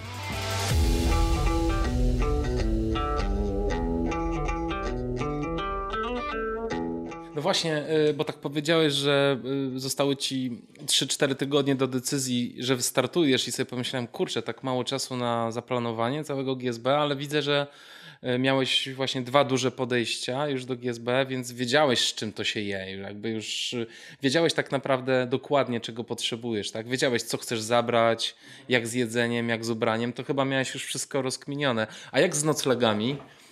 Wiesz to każdy, każdy projekt czegoś cię uczy, prawda? Tak. Wyciągasz wnioski, dobierasz lepszy sprzęt, inny plecak, wiesz na co zwrócić uwagę, co wziąć, czego nie wziąć. Właśnie. Ja to mówię tak zwane są, musisz mieć tak zwane te dupochrony, jak ja to mówię, które, które ważą, mogą być niepotrzebne, ale w przypadku, kiedy na przykład psuje ci się czołówka, nie masz drugiej, koniec. Kiedy, kiedy, kiedy na przykład yy, weźmiesz sobie za mało ciepłej rzeczy, przyjdzie załamanie pogodowe, yy, nie będziesz miał się w co ubrać suchego, też, ko te, te, też koniec, nie? Także no, drugi telefon tak samo mam, można mieć było jeden, yy, przemoczysz telefon, spadnie ci telefon, jesteś bez, bez telefonu, koniec, bo twoje bezpieczeństwo, nie? Także też musisz mieć drugi telefon, na przykład ja awaryjny tylko i to są, to, tak- takich klamotów się zbiera. Jeszcze powerbanki do Pa- tego. Powerbanki do tego, bo musisz sobie ładować. Ładowarki. Wiesz, to jak, jak biegniesz w formule bez, bez, yy, bez wsparcia, nie masz czasu na to. Musisz sam o to wszystko dbać, nie? Czyli przykładowo przybiegasz do schroniska i nie to, że idziesz i spać na te trzy godziny, tylko musisz tak. Musisz się umyć, przesmarować stopy, zadbać o to, żeby ci nie było odparzeń. Później musisz tak, mieć na głowie, że musisz naładować powerbanka, naładować traka w zegarku, zegarek, naładować czołówkę, bo to priorytety. Później wracając z prysznica, z, tej kolacji, którą zjadłeś, od razu przeło- przełoży- przeło- przełożyć y, te, te wszystkie y, ładowarki na inny sprzęt, który masz dodatkowy, prawda, na, na, na trackera, czy tam y, inne rzeczy. I dopiero wtedy możesz, jak zrobisz te wszystkie czynności, powinności, położyć się na ten 2,5-3 godziny sen. I też rano wstajesz, podobna procedura, czyli jedzenie, tam sprawdzenie, czy, czy wszystko naładowane, ewentualnie doładowanie czegoś, czego, czegoś czego, czego, nie było w stanie, e, czego nie byłeś w stanie wcześniej zrobić i tak dalej. Takie rytuały były właśnie wieczorne, i, wieczorne i, i, i, i, i takie nieporanne, bo wstawałem w pierwszej nocy, także wiecie, wczesno wieczorne i późno wieczorne, takie rytuały, nie? które mi zajmowały tak z jedzeniem, ze, yy, z prysznicem około dwóch godzin, tak liczyłem. Nie? Na tak, takie zabiegi właśnie, jak, przybieg, jak przybywałem na miejsce yy, w schronisku, czy tam w agroturystyce i jak wychodziłem. I po trzy godziny snu. Czyli można powiedzieć, że pięć godzin ze snem to takie były sprawy, które, które mnie zajmowały, prawda? A powiedz, ile ważył e, plecak z całym sprzętem? Wiesz co, plecak y, z całym sprzętem, już takim y, z piciem, z jedzeniem, bo generalnie miałem taką zasadę, że pół kilograma jedzenia mam cały czas ze sobą. Tak mi się kończyło. Y, W każdym miejscu, gdzie tylko mogłem uzupełnić, dobijałem do tych pół kilograma i miałem dwa softlaski. Akurat startowałem pod koniec września, nie było takich upałów, prawda? Więc y, miałem litr, litr z reguły y, płynął ze sobą, półtora, pół kilograma jedzenia i reszta był plecak plus ekwipunek i to wszystko ważyło około 7-7,5 kg, w zależności od tego, ile było tej, tej, tej wody, nie? Jeszcze karimatę miałeś, widziałem. A tak? karimata była taka cieniutka, no taka awaryjna, miałem karimaty, miałem śpiwór też puchowy, k- taki lekki, A półkilogramowy. ile ważył? Pół kilo? Pół kilo, taki sobie kupiłem właśnie już na wyprawy A wcześniejsze. jakiej firmy? Kumulusa miałem. Kumulusa. Kumulusa miałem, taki na zamówienia robiony, takim puchem hy- hydrofobowym, troszeczkę takim odporniejszym na, Na wilgoć. na wilgoć, no, żeby to w razie jak gdyby właśnie była taka jakaś wilgotność, nie jakbym gdzieś spał na kremacie pod jakąś wiatą, Tak. bo tak wiesz, no, planujesz sobie niby właśnie biegnąc e, samemu te noclegi, mniej więcej tu bazę znasz, ale tak naprawdę nigdy nie wiesz jak się zachowa twoje ciało. Tak. Jak w danym momencie poczujesz się słaby i potrzebujesz spać, tak jak ja w tej bazie Wisłoczek, no to, no to musisz sobie, wiesz, e, A jakąś jakoś płach, radzić. płachtę miałeś ze sobą, czy już Nie, nie, nie, wchodziłeś w nie, płachtę? nie, nie, Tylko nie. śpiwór i karimata Tak, tak, spania. tak. Nawet miałem takie dwie, sytuacje właśnie podczas tego ostatniego projektu, że dwa razy musiałem korzystać właśnie ze śpiwora i szukać takich właśnie takich miejsc, gdzie mógłbym gdzieś y, na pół godziny przykomarzyć, bo, bo wspomniałem się na nogach i nie, nie byłem w stanie dalej biec, nie? Także y, nie żadne schronisko, nie żadna agroturystyka, na przykład, bo to jest piąta rano, tylko musisz sobie to no, na, analizować przestrzeń i, i kombinować, kurczę, gdzie tu położyć się, żeby dać temu ciału na pół godziny odpocząć. No, No i tak, to, bo czasem ten sen cię złapie niezależnie od twojego planu, prawda? no tak, dokładnie, dokładnie. Możesz sobie planować, że dobiegniesz tam, a Tak. oczy ci się zamykają i zaczynasz się chwiać na nogach i niestety. A, bo te- temperaturę masz 3-4 stopnie i nie położysz się na, na, na tym, na, na przystanku, prawda, jak, jak w lecie, nie? że tam się przytujesz piworem, tylko trzeba szukać jakiegoś tam za, e, miejsca, które jest e, e, osunięte od wiatru i, no i taki bardziej bezpieczny, nie? że możesz na chwilę tam na 30-40 minut bez obawy, że się wychłodzisz, zasnąć. To bardziej nie miałem śpiwora zimowego, tylko miałem śpiwór taki komfort od 5 stopni. Nie?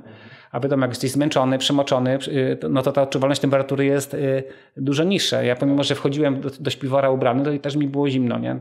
No bo to wiesz, też zmęczenie, prawda, y, powoduje, y, że, że, że ta odczuwalność temperatury jest trochę inna, a, a, grubszy plecak też waga, objętość, także wiesz, no wszystko musisz tak dobierać pod, pod to, żeby żeby było bezpiecznie, było fajnie, ale też nie możesz mieć tego plecaka, który będzie ważył 12 kg, nie? czy 15, bo to będzie spowalniać, to będzie obciążać bardziej twoje stawy skokowe, kolanowe, no i będzie cię też spowalniać. Także to trzeba tak wy, wy, wyśrodkować, nie? żeby tak w, w, tych wszystkich rzeczach. A powiedz, yy, jeśli chodzi o picie, to miałeś wodę ze sobą, czy to był jakiś rodzaj izotoniku? Wiesz co, wiesz co plan był taki, że woda z potoków, jak tylko była możliwość ze źródełek, w każdym stronisku starałem się pić, pić no, jakieś czasem piwo bezalkoholowe, Coca-Cola, czasami jakiś cukier, czasami kwas chlebowy mi się udało kupić. Zmieniałem smaki, po prostu żadnych izotoników, a miałem chyba tylko ten, no, na początkowe dni miałem Litorsal, że sobie tam y, tabletkę czasami wrzucałem, prawda, żeby, ten, żeby, żeby taki jakiś tam smak był i jakieś te, te, te mikroelementy były dostarczane, ale tak starałem się jakoś tak w miarę dobrze Y, od, odżywiać, że, że, tak powiem. Nie? Także jak było tylko jakieś schronisko, jakaś zupa ciepła, ciepły posiłek, y, obiad dwudaniowy często raz, raz dziennie musia, musia, dbałem o to. No, pilnowałem tych rzeczy, ponieważ wiedziałem jak odżywianie jest y, ważne i istotne tak. i że tej energii temu organizmowi takiej konkretnej muszę, muszę dostarczać, prawda? No i... Ile razy w ciągu dnia miałeś szansę właśnie, żeby coś zjeść ciepłego? Wiesz co, no z reguły to było tak, że jadłem, starałem się zawsze gdzieś tam po środku, czyli tak powiedzmy obiad jeść, jeść w jakimś schronisku, dwudaniowe y, y, obiady. Często no, na przykład jadłem dwie zupy i to jeszcze drugie danie. Bo I wszystko wchodziło. Tak. I nawet później jak ruszałem, to nie, specjalnie nie chlupało mi tam w żołądku, bo to wszystko mówię, Wciąga w zas, zasysa, zasysało organizm. No i generalnie jak y, przybiegałem na wieczorem około 20, 21, raz 23, no to z reguły jak spałem czy, w agroturystyce, no to jeszcze udawało mi się coś ciepłego zjeść. No ale czasami, czasami trzeba było po prostu no, yy, tylko jakiś tam, mówię, jakiś suchy prowiant, prawda? No i rano jak ruszałem, no to już niestety jak ja ruszałem o pierwszej, drugiej w nocy, to tylko ewentualnie jakieś kanapki, które miałem przygotowaną, dzień, wcześniej coś tam, coś tam jadłem i ewentualnie ten zapas jedzenia, który cały czas starałem ze sobą yy, mieć te pół kilo, czyli, czyli, czyli takie suche żarcie i znowu ruszałem, i czekałem, aż koło południa były jakieś warunki sprzyjające, przebiegałem koło jakiegoś schroniska, mhm. gdzie mogłem zjeść, zjeść obiad, prawda? Miałeś takie sytuacje, że musiałeś bardzo odbić od trasy GSB, żeby się zaopatrzyć? Albo przespać? Od GSB, wiesz co? Yy, nie. Wszystko na szlaku Wszystko, wszystko, no tak o to chodzi właśnie. właśnie. Między tym jak się planuje logistykę, żeby właśnie jak najmniej tej, tego czasu energii tracić, nie? Mhm. No wiem, tak. tak, tak właśnie py tak, pytam, tak. jak to z no to życiem... Było 500 metrów miałem chyba w Bystry, jak miałem 500 metrów, bo to w tych mniejszych miejscowościach wiadomo nie, nie ma tak, e, tak, tak, tak rozwiniętej agroturystyki. Na przykład też któregoś dnia miałem, miałem tak, że, że miałem spać na, w chatce na Niemcowej. To był trzeci dzień, ale pobudziłem samego rana chyba godzinę i musiałem później, brakło mi tego czasu, żeby tam się wyrobić w takiej przyzwytej porze, żeby być w tej chatce i zjeść coś ciepłego na przykład, nie?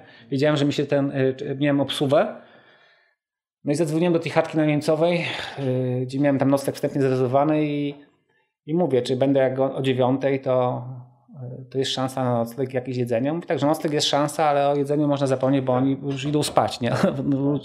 spać, no to jak wiedziałem, miałem ciężki dzień ze sobą, wiedziałem, że będę tam później, nie będę yy, ósmej, tylko będę tak dziewiąta, dziesiąta, będę zmęczony, nie umyję się, bo tam takie warunki dosyć takie spartańskie, nie zjem, no i stwierdziłem, że w takiej sytuacji po prostu skrócę etap do Rytra, który jest u podnóża yy, tego wzniesienia, na które miałem wejść, czyli stracę 7 km, ale będę tam wcześniej, będę tam o 7, spokojnie sobie zrobię zakupy w sklepie, spokojnie sobie jakiś dobry obiad zjem, czy posiłek tam w agroturystyce, a postaram się ten odcinek na przykład nadrobić przez następny albo przez dwa dni, to, to, to co straciłem. Nie? Także no, tak, tak trzeba było po prostu na bieżąco po prostu reagować w zależności do, do sytuacji. No i generalnie y, po dwóch dniach ten odcinek 7-kilometrowy y, odrobiłem i już startując z ostatniego dnia, szóstego, już miałem po prostu wszystko zgodnie z planem y, pokładane tak jak, tak jak, było, tak jak było w założeniach, prawda? ale tak jak mówię, no, trzeba było po prostu re reagować nie? Tak. Na, na, na, na, sytuację, na, na bieżąco. Wcześniej bazę oczywiście w telefonie, tych ewentualnych innych alternatywnych miejsc. No, też pokonywałem ten szlak y, trzeci raz, także już też, y, też już mniej więcej wiedziałem w jakich miejscowościach, jak, jak jest y, z, z noclegami, prawda, gdzie jest większa ta baza noclegowa, gdzie jest mniejsza. Także tu no, to, to doświadczenie z tych wcześniejszych projektów się, się przydało. Mhm. A powiedz te pół kilo, które miałeś przewidziane na jedzenie, to na co przeznaczałeś? Co było dla Ciebie takim, wiesz, najbardziej energetycznym, naj, mhm. najbardziej wartościowym jedzeniem? Wiesz co, ser żółty, kabanosy, hałwa, i powiem Ci, tak jak przez pierwszy dzień, drugi jeszcze mi czekolada wchodziła, tak później y, już y, nie wchodziła mi, ale wchodziły mi cały czas takie batoniki nadziewane, nie? czyli adwokaty, te grzesie, takie jakieś jacusie, nie? To mi cały czas wchodziło. Może Żele to... rozumiem sobie nie, nie było, nie, nie, nie, nie, nie. Ja jadłem tylko takie, jadłem, jadłem yy, wszystko to co, było, to, co było w sklepach dostępne tak. i w schroniskach, nie? bo nawet tak jakbyś chciał żela, no to nie kupisz nie? Tego, no tak, nie tego w schronisku czy, czy w sklepie. No i generalnie no, te, te rzeczy generalnie jadłem. Czasem miałem orzeszki jakieś słone, ochotę, prawda? Mhm. Czyli konkretny obiad zawsze taki dwu, trzydaniowy daniowy jadłem. No i, no, no, no i mówię, hałwa, kabanosy, ser żółty. Mhm. Praktycznie, aha, e, raz mi się udało właśnie w Żabce Iwoniczu to hot dogi, nie? No, tak, tak, też, też biegłem do Iwonicza taki głodny, pamiętam. E, wszystko pozamykane, 8 rano, bo to wiesz, biegniesz na szlaku, startujesz o drugiej nocy, tracisz rachubę. To mi się wydaje, że jesteś już 6 godzin, to już przebiegasz, jest południa, to dopiero się miasto budzi, nie? Wszystko pozamykane, kurczę, ludzie dopiero się budzą ze snu pyta się restauracja, no panie, o tej godzinie to jest wszystko pozamykane, nie? Ale mówię, no nic tu ciepłego nie jest, jakaś kawiarnia nawet może, nie, nie, ale jest żabka, nie? No i mówię, a, a żabka to wiadomo, hot dogi, kawa, herbata, nie? Tak. W tej chwili. No tak. i taka żabka mi uratowała tyłek, wtedy pamiętam. Wszedłem, dwa, dwa hot dogi, tak, dwa hot dogi, właśnie kawa, usiadłem oparty o szybę. Pani nawet nie protestowała wtedy, bo dosyć dużo kupiłem, jeszcze jakąś wodę kokosową, nie? Mhm. Także zrobiłem taki półgodzinny popas tej żabce właśnie wywolniczy i później ruszyłem z siłami i siłami, siłami. No przede coś ciepłego zjadłem, wypiłem gorącą herbatę. Mówię, no, poranki były chłodne, no, od 3 do 5 stopni, także to ciepło, ciepło, ciepło jakoś specjalnie nie było. No. Ale z drugiej strony w ciągu dnia była fajna pogoda, bo miałem taką właśnie 15-18 stopni. No, także, tak, super. Tak, także, tak, tak, także A lampę? Dużo miałeś lampę? Czy... Nie, wiesz, nie, potem właśnie udało mi się, to była końcówka września, przed była, przyszła fajna, wyższa pogoda i temperatura w ciągu dnia była tak między 15 e, a 19 stopni. Także można powiedzieć idealna, nie? E, Słońce za, za chmurkami. Za chmurkami, nie, nie czasami się troszeczkę, troszeczkę przebijało tam chyba trzeciego dnia, jak mgły ustąpiły, jak pojawiłem się w Krynicy Górskiej, ale generalnie nie przeszkadzało mi to. Było takim, może by, było nawet takie słońce kojące. No fajnie, fajnie, fajnie. Fajn. Temperatura była fajna. Jakieś tam delikatny deszczyk miałem przedostatniego dnia jak e, wchodziłem na Pilsko, jak zbiegłem z Babiej. Troszeczkę przymoczyłem wtedy buty, ale to już był piąty dzień e, projektu, więc e, przedostatni, więc już wiedziałem, że, że stopy, stopy wytrzymają. Nie?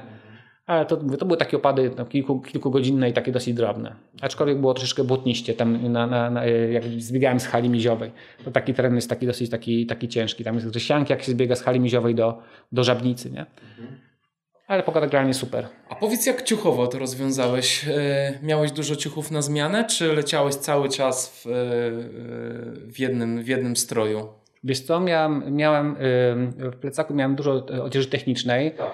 Między innymi firmy Lurber, która mnie wspiera właśnie w tych moich, moich, moich poczynaniach biegowych, tych projektach, była takim moim bardzo mocnym wsparciem. Tak. Biegam tej odzieży już od dobrych kilku lat i naprawdę ma ta odzież świetne parametry, jeżeli chodzi o techniczność. No ja mówię, że biegam w takich odzieżowych Mercedesach i naprawdę nie ma w tym przesady, bo ponieważ jest to y, naprawdę fajna jakość i niska waga i ten sprzęt mi się sprawdzał w wcześniejszych jakichś moich biegach, y, treningach i tak dalej. No i miałem właśnie dużo, dużo tej odzieży, przede wszystkim na niej bazowałem. Oprócz tego oczywiście y, bardzo dobra kurtka z Gore-Texem, bo to jest podstawa dobrym kapturem właśnie załamania pogody, jakiegoś zimna. To taki, takie gore miałem ze sobą. Miałem też cięższą kurteczkę taką, yy, taką 100, gramową. Wiadomo, Od wiatru tak. Tak. Ubrany byłem w, trzy, w spodenkach 3 czwartych, bo nie wiesz, widziałem jakie tam mniej więcej temperatury, że 15-18 w ciągu dnia, noce chłodniejsze, ranki chłodniejsze, więc stwierdziłem, że 3 czwarte spodnie będą optymalne. Krótka koszulka, rękawki, które sobie z, na, w ciągu dnia tam zwijałem, jak robiło się chłodniej pod wieczór sobie naciągałem. Mhm. I, i, i, i, w ta, i w takim sprzęcie biegłem. No oczywiście przychodziłem, no, przebrałem w, w ciuchy, Właśnie miałem suche. Miałeś na zmianę drugi tak, komplet Tak, jakby. tak, no, no, mhm. no, no, można powiedzieć, jak odliczysz y, y, y, kilogram picia, pół kilograma jedzenia, no to miałem, wychodziło, że miałem ponad 5 kg klamotów ze sobą, tak. nie? No ale właśnie miałeś te dwa telefony, dwa telefony, powerbanka, trackera. To chyba też ciężkie rzeczy. Tak, dwie czołówki, tak, no i, no i no miałem ciuchów, miałem bodajże dwie albo trzy zapasowe bluzy, bluzy. o miałem spodnie wodoodporne. śpiwór. Śpiwór, spodnie wodoodporne na pewno, na, miałem, miałem też. w razie, długie, tak? Długie, w razie w moim umowie załamania pogodowego, wtedy mi uratowało życie tego, tego, tego trzeciego dnia. Spodnie muszą być, aha i trzy pary rękawiczek, bardzo marzne w ręce i i miałem trzy pary rękawiczek. Jedno miałem takie bardzo cienkie, takie można powiedzieć takie y, na taką y, stabilną pogodę, chłodne ranki. Drugie troszeczkę grubsze i miałem właśnie nauczony tą sytuację o stołu lewo, takie motocyklowe sobie kupiłem. Cienkie, ale takie, po których spływa deszcz, prawda? Czyli w razie po prostu jakiejś burzy, ulewy ubieram y, spodnie wodoodporne, ubieram kurtkę z Gore-Texem, ubieram te rękawiczki i wiem że, wiem, że nie przemoknę. Czyli można powiedzieć, że też trochę za dużo, bo mogłem tego nie brać no ale, ale, ale wiedziałem, że to jest mój, moja taka pięta achillesowa właśnie ta, to marznięcie w ręce, więc chciałem y, się przed tym uchronić w razie, w razie czego, prawda? Mhm.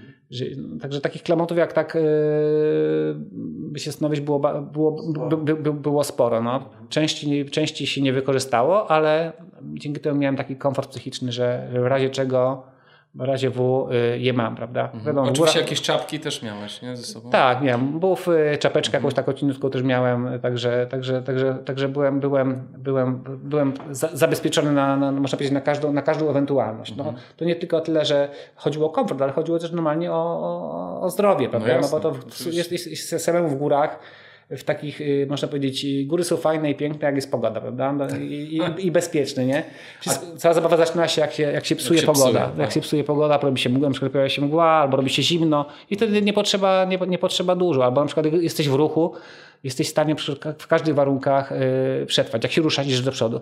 A wystarczy, skręcasz nogę, spada ci tempo, y, przemakasz i co? Po inercji wiadomo też trzeba mieć ze sobą, nie? No, no, no, no, no, no, no to tych, tych klamotów takich jest cała masa i właśnie tak, czasami je trzeba mieć na zapas, żeby w razie W, gdyby coś takiego się stało, żeby, żeby można było uratować swój tyłek, nie? Że, tak, że, że tak powiem. Nie? No i to, to, to, to, to trzeba dźwigać. Można pójść po bandzie i zaryzykować, ale to jest no i mieć tego mniej, no ale to jest, ale to, ale to jest No wiesz, równie dobrze ryzyko. można by biec z supportem, tak? No tak, no Więc, tak. Wiesz, to jest... Powiedz mi, a mm, miałeś jakąś warstwę ocieplającą? Jakąś taką małą pochóweczkę albo pola? Wiesz co, miałem polarek setka. Zresztą to była chyba finisherka nawet z biegu siedmiu, z biegu siedmiu y, szczytów, taka właśnie mm -hmm. dawali y, seteczkę. On był taki cienki, a, a, a, ale też go miałem. Ale mówię, miałem... Z długim rękawem, tak? Tak, ale miałem na przykład, na przykład odzież Rubela i tam jest na wszystkie strefy temperaturowe. Jest i na ciepło, jest na średnią temperaturę, jest też taka kolekcja na, na, na takie ekstremalne warunki. Także miałem bardzo dużo miałem pokłopotowanej odzieży właśnie takiej technicznej, naprawdę bardzo specjalistycznej właśnie tej firmy i wiedziałem, że po prostu y, to jest sprawdzone i, i, i dobre i wiedziałem, że mogę na tym polegać. I przede wszystkim nie, nie jest ciężkie. Mhm. Czyli w moim przypadku ważne, no. była mała objętość, tak. a wysoka jakość, prawda, żeby tego tego była, nie? I, I, to się sprawdziło, nie? A czy ze sprzętu takiego elektronicznego też robiłeś jakieś specjalne zakupy pod kątem wagi tego sprzętu? W sensie wybierałeś jakieś ultra light rzeczy, żeby ale chodzi o sprzęt... Yy... Elektroniczny, czyli wiesz, powerbanki albo yy, właśnie czołówki, czy starałeś się, tak, żeby one tak, były jakieś tak. super lekkie? Jest to, no teraz na, na, na, na to, tak jak mówiłem wcześniej, no, człowiek wyciąga wnioski i tak. postanowiłem, że kupię sobie lepszą czołówkę, zainwestowałem taką fajną Lancera, bardzo leciutką, niezawodną, sprawną. Wiesz, no niby planujesz sobie, że będziesz ładował y, ten akumulatorek, ale z drugiej strony planujesz, a przyjdziesz ze schroniska, nie ma prądu albo kuźwa nie ma gniazdka w pokoiku, czasami tak jest, nie? To, no to musiałem mieć drugi akumulatorek naładowany zapasowy. A oprócz tego jeszcze miałem y, drugą czołówkę, którą miałem, to już nie akumulatorek, tylko na baterię, tak w rezerwie, nie? Czyli gdyby właśnie nie ładował, rozładował, no to miałem jeszcze tamtą w pogotowiu z tymi bateriami, nie? Które nie wykorzystałem w ogóle, tylko mi y, dociężała plecak, ale była. Miałem tak. ten komfort psychiczny, że w razie W jest. Gdybym nie doładował, zapomniał, no nie wiem, coś by się zwarcie, zepsułaby się czołówka, zawsze mogłem liczyć na tą, na, na tą drugą, która hmm. będzie świecić, nie? Ale parę butów miałeś jedną. Parę butów miałem jedną. Jedną parę butów, ale miałem y, taśmę reparacyjną, taką srebrną specjalnie po to, że, że gdyby coś się z tymi butami działo, żeby można było w jakiś prowizoryczny sposób je tam e, załatać, nie? No bo jedne buty to, wiadomo, psujesz buty, koniec, nie? No chyba, że na bosaka gdzieś tam doczłapiesz do jakiegoś miasteczka i, i, i kupisz jakieś półbuciki, nie? Fajnie, fajnie, fajnie, że o tym opowiadasz, bo, yy, bo to jest taka wiedza, wiesz, właśnie, która wypływa z doświadczenia i, i to myślę, że wielu osobom może pomóc tak, no to się do trzeci projekt, wyzwań, więc wiesz, no też troszeczkę czytałem, no też te, wielokrotnie też treningi robimy w różnych okolicznościach, no i, no i człowiek się uczy na podstawie tego, nie? Czy miałeś jakiś system do trakowania, który live pokazywał twoją pozycję w sieci? Że tak, tak, tak, tak, tak. Wiesz, miałem trackera ze sobą, który był takim moim, też formą takiego, bez, raz, że fajnie to można było śledzić moje poczynania na, na szlaku, ale też e, pełnił taką formę mojego takiego bufora bezpieczeństwa, nie? że gdyby coś w razie W, coś się działo, no to wiadomo było, gdzie jestem, można by było mi je łatwo y, ewentualnie zlokalizować. Nawet była taka jedna sytuacja chyba jak biegłem drugiego dnia do Bacówki Bartnym, Beskidzińskim, no, taka konkretna dzicz, nie ma zasięgu i w pewnym momencie gdzieś tam stanąłem w miejscu, w jakimś, na jakiejś górze, nie? I tam nie ruszałem się chyba przez kilka godzin. No i tam nawet znajomi byli troszeczkę podnerwowani, że, że być może coś mi się stało, nie? A tam było coś właśnie z zasięgiem, było, było nie tak. O, I, tak, tak I pomimo tego, że dobiegłem do, do schroniska i tam byłem, tak. to moja pozycja była gdzieś tam parę kilometrów wcześniej, tak jakbym tam no. gdzieś, nie wiem, spał na grani, nie? No, ale to nie był... Zasięg no, bezgwizdnickim zasięgiem jest troszeczkę gorzej, nie? Ale taki, no, no tracker fajnie. No i dzięki temu można było właśnie śledzić moje poczynania na tym, na, na, na Facebooku taką sobie założyłem na profilu e, stronę Korab Lurbel GSB mhm. i tam właśnie koleżanka Bożenka Jaskowska e, z reguły raz wieczorem do mnie dzwoniła jak miałem sił, jednego dnia nie miałem sił rozmawiać ostatniego i zdawałem mi mniej więcej raz dziennie wieczorem relacje, jak przebiegają moje zmagania ze szlakiem. I ona to w fajnej formie tam publikowała na, na stronie i, i, i dzięki temu tak, ten, ten, przekaz był taki w miarę, w miarę fajny nie? tego całego mojego dokonania.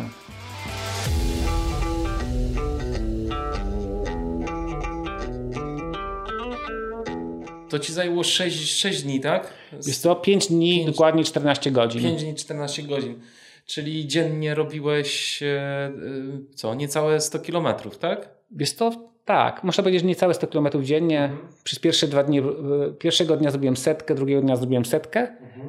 a później już, e, nawet jak już planowałem, to wiedziałem, że po prostu, że już e, trzeciego dnia setki nie zrobię, więc już troszeczkę zmniejszałem dystans, ale tak sobie to poukładałem, żeby ostatniego dnia mieć już naj, najkrótszy etap. I tego trzeciego dnia już miałem, e, spałem w Żabnicy i do pokonania miałem cały Beskid Śląski, czyli 50, około 50 km. Także wiedziałem, że będę z tego dnia tak wypruty, że mhm no przynajmniej to, chciałem mieć to satysfakcję, że, że będę mógł mniej tego dnia troszeczkę spędzić y, czasu na szlaku, nie? Na, tym, na tym zmęczeniu. No i, no, i, no, i, no, i, no i wszystko mi się sprawdziło. Nie? Wszystko udało się właśnie e, zrealizować tak, jak sobie można powiedzieć, poukładać finalnie. Nie?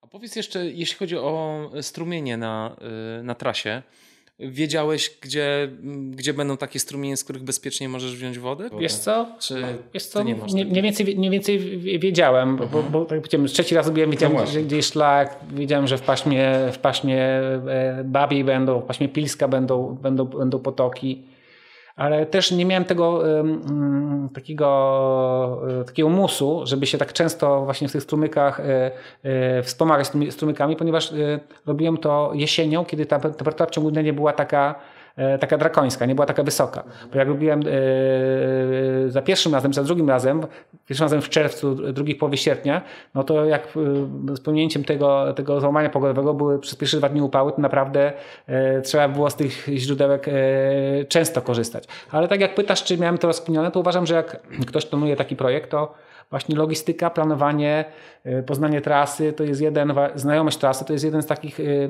z z warunków, które pomagają na pewno e, e, ukończyć w, fajniejszej formie i bezpieczniej właśnie ten, e, ten, ten, ten cały szlak. No, znajomość materii, prawda? Tak.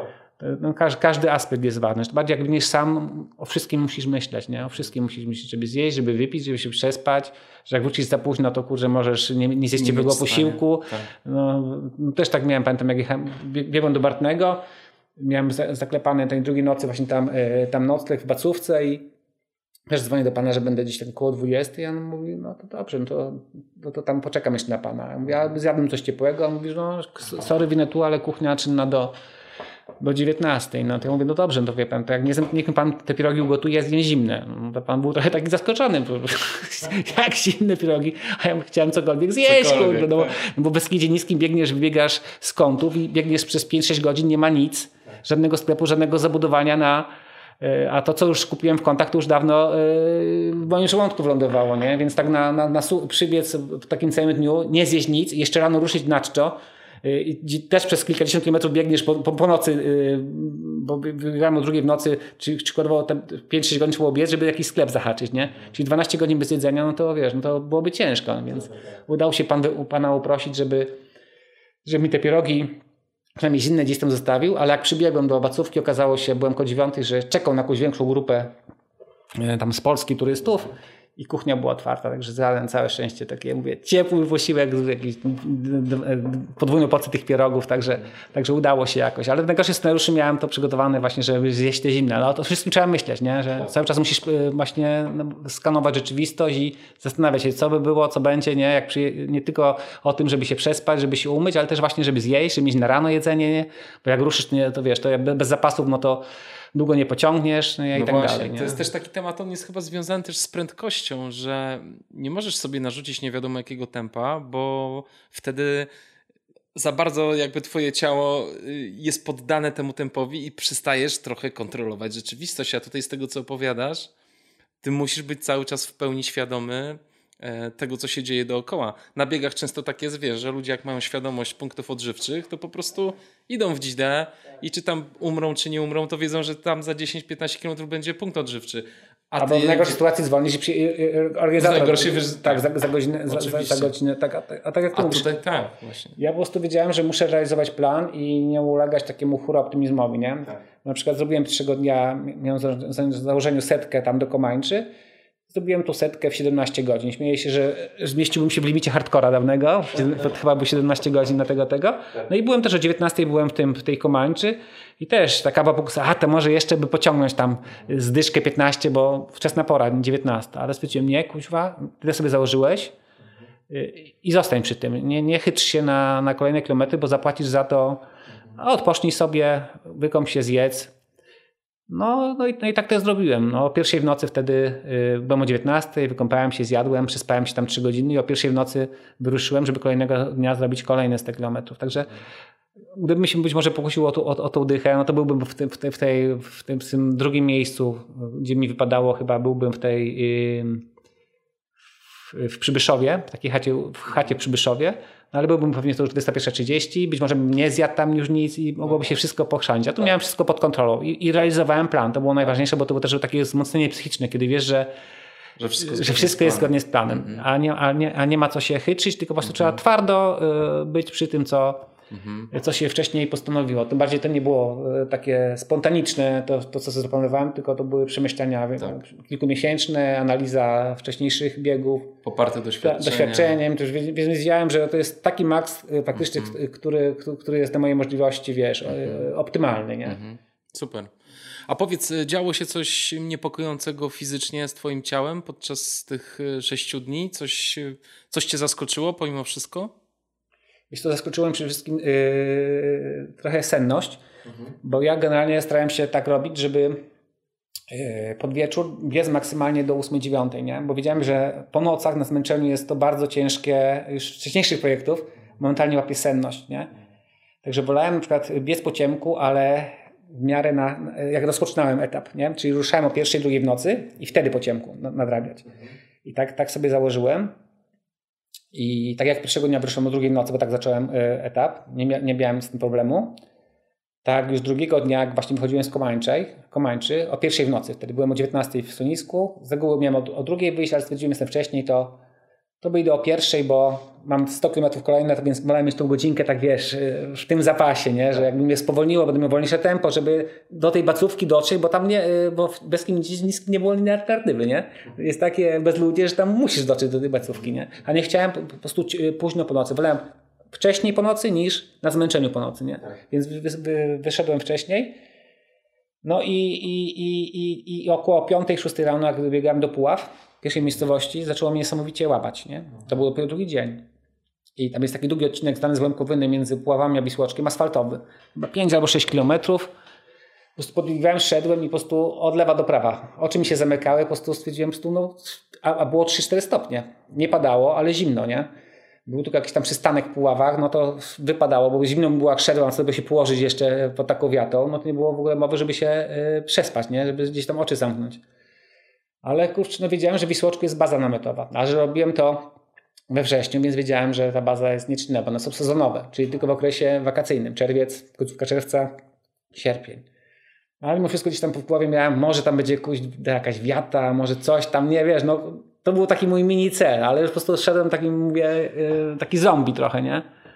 Wiedziałem, że muszę po prostu na przynajmniej na te pół godziny, 40 minut yy, przyciąć dżemkę, bo, bo tego potrzebuję, bo po prostu bo za chwilę gdzieś tam się wyłożę, nie? W robię czy coś w tym stylu.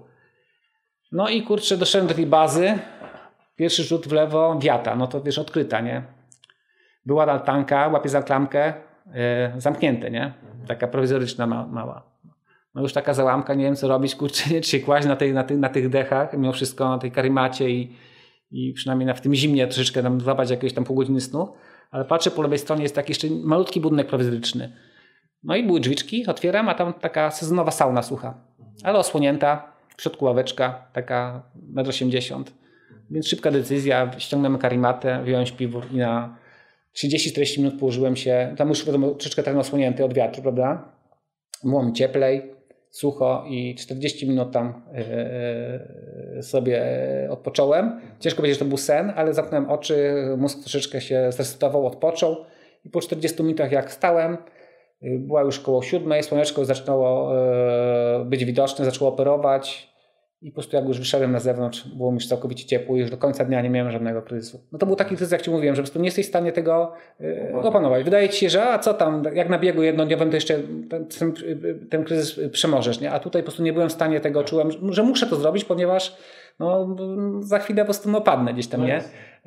Padnę obok. No i to pół godziny, 40 minut wystarczyło, żeby później przez cały dzień już czuć się fajnie. I drugi taki miałem etap piątego dnia jak podobnie wyszedłem o drugiej w nocy z Bystrej i podobna historia też. Piąta, szósta rano, kurczę, jestem tam na, podejściu pod, pod halę krupową i też lewo, prawo mnie, mnie rzuca, nie? I też wiedziałem, że muszę dojść do schroniska na hali krupowej, no bo nie ma... Ciało się dopomina. Tak, bo, bo noce chodne. Bo, tak. Normalnie w lecie, jak jest tam 15-18, no to idziesz pod wiatek, kładziesz się i temat załatwiony. Ale jak masz 5-6 stopni i zmęczenie i no to jesteś mokry, no to... No, Może się nie obudzić. Dokładnie, albo, albo, albo rozchorować, albo, tak. albo jeszcze bardziej wychodzić, roztrepieć i tak dalej, nie?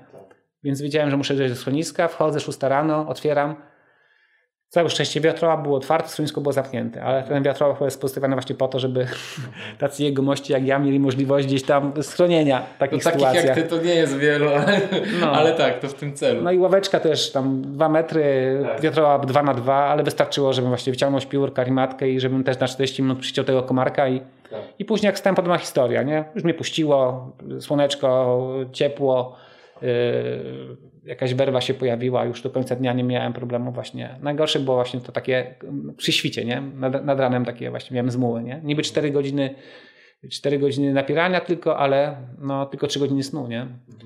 I, to mało. I, I, każdego dnia to się wszystko nasilało. I pewnie ten sen też nie był jakiś super równy, prawda? E, to nie jest tak, że ty zasypiałeś i całe trzy godziny sobie pięknie spałeś, tylko pewnie przewracanie było jakieś... Tak, tam... jest to najgorsze było, pamiętam, przed piątym etapem, jak spałem bystrej i wiedziałem, że następnego dnia mam długi odcinek, a przy okazji mam do pokonania na przykład yy, Babią Górę i Pilsko. To zmęczenie też, było też 300 ponad kilometrów, 150 km w nogach. I już tak jak mówisz, niby takie zmęczenie, niby wiesz, że musisz się kłaść szybko spać, już tak wiesz, zjeść tylko te wszystkie procedury, które mówiłem, pozałatwiać, ładowanie, spa, yy, mycie, jedzenie i kładziesz się w łóżku i kurczę... I nie wszystko, nie, że, że, że, że obolały troszeczkę obolały, jesteś, nie? Tam tak. wiesz, przewracanie nie jest takie przyjemne.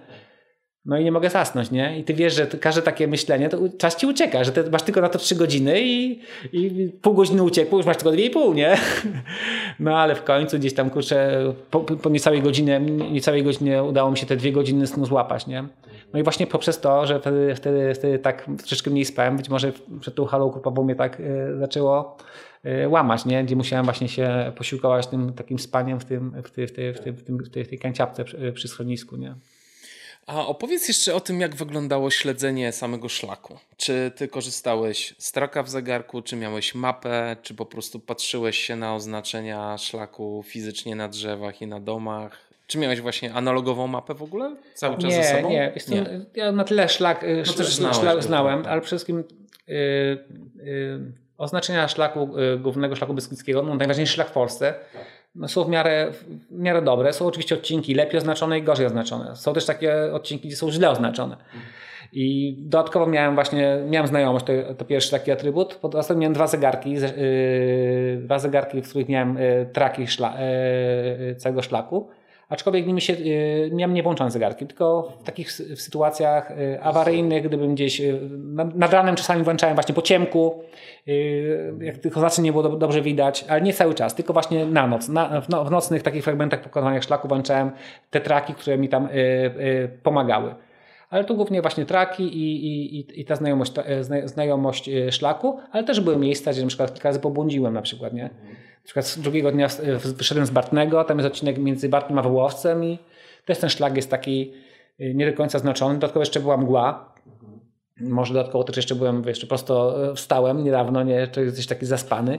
No i też, kurczę, wyszedłem z innego miejsca, w pewnym momencie zgubiłem szlak zakręciłem się w kółko, w pewnym momencie go znalazłem, znalazłem idę i po pół godziny okazuje się, że wróciłem do tego miejsca, gdzie byłem wcześniej. Czyli cofnąłem się z powrotem po szlaku, nie? Nie poszedłem do przodu, tylko do tego samego miejsca. No już wiesz, godzina w topy, już nerwówka, nie? Bo wiesz, że tej godziny ci później braknie, tak. albo będziesz musiał zasuwać po nocach. No i wtedy właśnie w rytrze spałem, a nie na nim całej, bo tej godziny mi wtedy właśnie e, zabrakło. Podobnie miałem też w Beskidzie Niskim... Mm, taki przypadek, jak się między chorową a kątami też, tak się idzie taką granią i też tam szlak jest y, rzadko uczęszczany, nie ma udeptanych ścieżek i też w pewnym momencie po prostu oznaczenia są słabe i zastanawiasz się, masz traka, też, też nie jest na tyle dokładny, żeby tak ci pokazać z precyzją co do metra, y, jak idzie, nie? I też z pół godziny chyba tak, wiesz, prawa, lewa, prawa, lewa, wracałem się, wchodziłem, nie?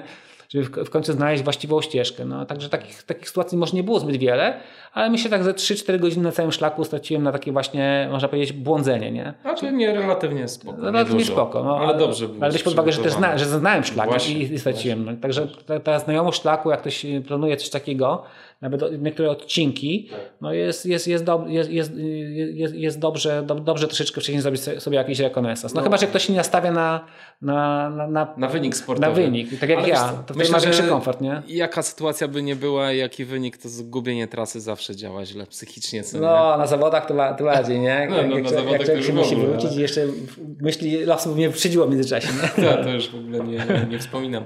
E, powiedz, e, zbierając te wszystkie twoje doświadczenia i E, i sposób właśnie w jaki się spakowałeś na tę ostatnią e, twoją wersję GSB. Czy coś byś jeszcze zmienił w swoim ekwipunku? Wszystko mi się chyba raczej sprawdziło. No. Wydaje mi się, że że, że takie było optimum, nie? Mhm. Optimum. No można było, tak jak mówię, e, może jednej czołówki w nie wziąć, tu odchudzić, nie? Może, może tego telefonu, ale to tak jak mówię, no są, to są takie dupochrony, nie? Że i, i, bardzo newralgiczne, ważne rzeczy, nie? Mhm. Nie przydały się nikłe szanse na to, żeby, żeby zepsuć się telefon na tyle, żeby nie mógł działać, czy, czy czołówka, żeby ci się zepsuła, nie? Mhm. Ale, ale, ale, ale, ale jak się zepsuje, to jest, to jest, to jest finito, nie? To, to, to jest koniec, więc, więc, więc można by było tak odchudzać, nie? Wziąć jedną bluzę mniej może, wiesz, no ale wiesz, no trafiłeś na fajną pogodę, ale nie się załamała pogoda, jakiś przed front, jakaś burza, nie? No i, i wtedy ta rzecz by, by była potrzebna. Także wydaje mi się, że no tam troszeczkę byłem, tak, miałem takich chyba sekuracji trochę rzeczy, ale wydaje mi się, że gdybym robił y, drugi raz, no to y, no też trzeba dbać o swoje jakby bezpieczeństwo, nie? Nie chciałem iść po bandzie totalnie, żeby zaryzykować, wziąć tam dwa kilo. Może by się udało, ale, ale może by się nie udało. Wolałem... Nie, nie, bardziej nie myślę o takich rzeczach, żeby rezygnować z backupu, tylko właśnie, że może coś ewidentnie byś odrzucił, albo coś ewidentnie byś dodał do tego ekwipunku jeszcze. No myślę, że, że to było takie, wiesz, że to było optimum, nie? To też mówię, analiza długa, wielomiesięczna, w oparciu o te wcześniejsze jakieś tam projekty i, i, chyba, i chyba tak, no z tego plecaka 7 kilo ze wszystkim, no to to można by tam jeszcze, mówię, może w spółki do urwać, nie? Ale mhm. jeżeli chodzi o, o, sprzęt, to naprawdę miałem y, to, to, czego chciałem i, i, i, wszystko, i wszystko się sprawdziło podczas tej trzeciej, y, mhm. trzeciej, tej, trzeciej edycji mojej, nie? Mojej próby, nie? I co? Będziesz jeszcze próbował ten czas y, podkręcać? Nie, nie, już Nie, nie. już masz dosyć. Na, na, na pewno już, no wiesz, tak jak mówiłem, moim założeniem było to, taki miałem ambitny cel, że te 6 dni, nie, chciałem Tak. sobie zrobić jako pierwszy. To mi się udało zrealizować w sumie w ciągu dwóch projektów, nie? Także taka mega, mega, me- mega przygoda. Wiem, jaki to jest ciężki wysiłek, wiem, jak to daje w kość, wiem, jak długo do, po, po tym człowiek do siebie e, dochodzi.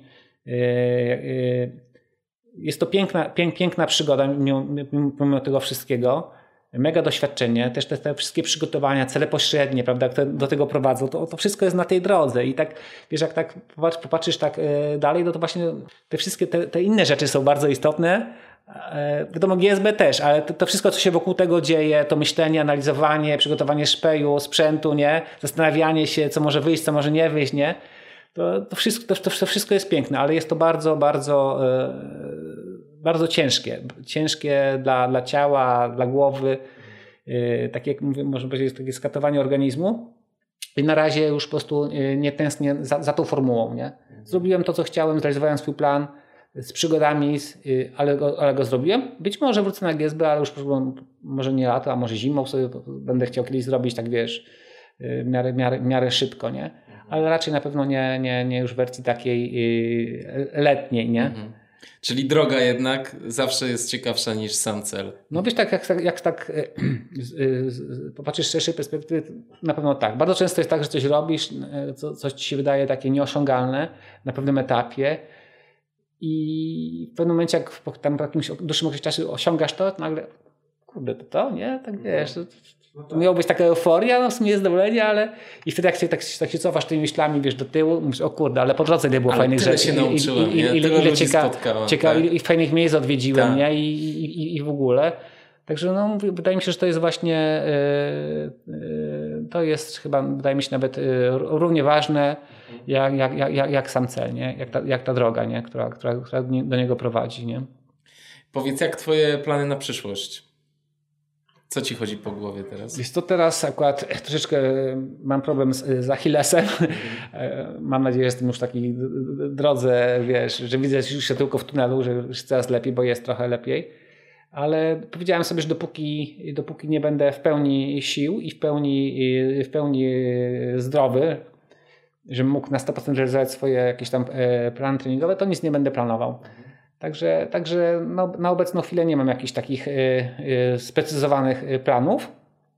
Aczkolwiek coś tam po głowie chodzi, ale to mówię, to mus, muszę być dopiero w pełni sprawny sportowo, żeby, że- że- żeby, żeby, o, ty, że- żeby o tym myśleć. Ale na razie nie jestem nigdzie zapisany, nigdzie nie, nie zadeklarowany, ale podejrzewam, że być może będą to jakieś takie właśnie indywidualne projekty, bo, bo uważam, że to jest y, bardzo fajna rzecz, na której Szczek bardzo dużo uczy, pewne rzeczy tam można powiedzieć przeciera też, prawda? No i też w, te- w tej formie można sobie też bardzo ciekawe właśnie takie wyzwania biegowe y, y, or, organizować, nie? No właśnie, to jest super ciekawe i zwłaszcza w dzisiejszych czasach, kiedy jak widać potrafią być takie sytuacje, że zawodów nagle nie ma, to taka formuła zaczyna, doświadczenie w takiej formule zaczyna być bardzo ważne, nie? No dokładnie, wiesz, to bardziej ja, mam, ja, ja nie tylko GSB robiłem na przykład, bo y, te, te, te trzy razy, ale też na przykład y, rok temu w listopadzie, w listopadzie poszliśmy z kolegą, z Wojtkiem Lipą, zrobiliśmy sobie, pojechaliśmy do, do Kudowy i zrobiliśmy sobie y, bez supportu we dwóch z właśnie, to było takie przytarcie przed GSB można powiedzieć, 250 km do końca szlaku sudeckiego, nie? W listopadzie, to już były takie, można powiedzieć, warunki lekko, lekko zimowe i też po 50 km dziennie, nie? Też taki projekcik, nie? Później kiedyś pamiętam jeszcze z Wojtkiem, y, z Roką robiliśmy sobie, pamiętam to był styczeń, minus 20 stopni, a myśmy stwierdzili, że sobie zrobimy taką pętlę 105 km wokół Bieszczadów, nie? No i przyjechaliśmy do schroniska pod Honem, podzieliliśmy sobie po 35 km, plecaki po 12-15 kg, minus 20, więc buty takie, wiesz, bardziej trekkingowe. No i w takiej temperaturze, wiesz, minus 20-25 yy, przez 3 dni zrobiliśmy taką pętlę przez Rawki, Ustrzyki, Caryńską, Jaworzec i wróciliśmy do Cisnej, nie? 105 km w 3 dni. A gdzie syp, sypialiście Po, wtedy? po schroniska. Schroniska. Czyli pod, zaczęliśmy pod Honem, pierwszego dnia poszliśmy granicznym przez Rabią, spaliśmy pod Rawkami, później wysz, wyszliśmy z Rawek yy, yy, na Caryńską, Wetlińską, spaliśmy w Jaworcu, Jaworzec, schronisko przy Czarnym Szlaku. No i później yy, następnego dnia wróciliśmy do, do tego, do cisnej, nie? Po 35 równe dziennie, w takich ekstremalnych właśnie warunkach. To też uczy, nie? Też, też uczy się właśnie, testuje sprzęt, ciuchy, też siebie, wiesz na co zwrócić uwagę, także takich poligonów było sporo i, i, I, to jest ograniczenie, jest tylko, wiesz, nie ma ograniczeń, jest tylko twoja kreatywność, to sobie wymyślisz, prawda? Niekoniecznie to musi być, mieć wymiar sportowy, czy, jakiś, czy mierzenie się z rekordem, ale może być tylko twoje takie osobiste wyzwanie, że chcesz coś zrobić takiego, nie? Co, co, sobie, co sobie wymyślisz, co uważasz, że to jest e, fajne, nie? Żeby to było po prostu jakieś takie stymulujące dla ciebie, nie? Żeby cię angażowało, żebyś po prostu miał jakiś cel, który, który, cię, który cię angażuje, prawda? No właśnie, a tego typu wyzwania są mega stymulujące, bo tak jak mówiłeś, ty jesteś sam przeciwko, znaczy przeciwko, jesteś sam w naturze i musisz sobie sam ze wszystkim poradzić właśnie.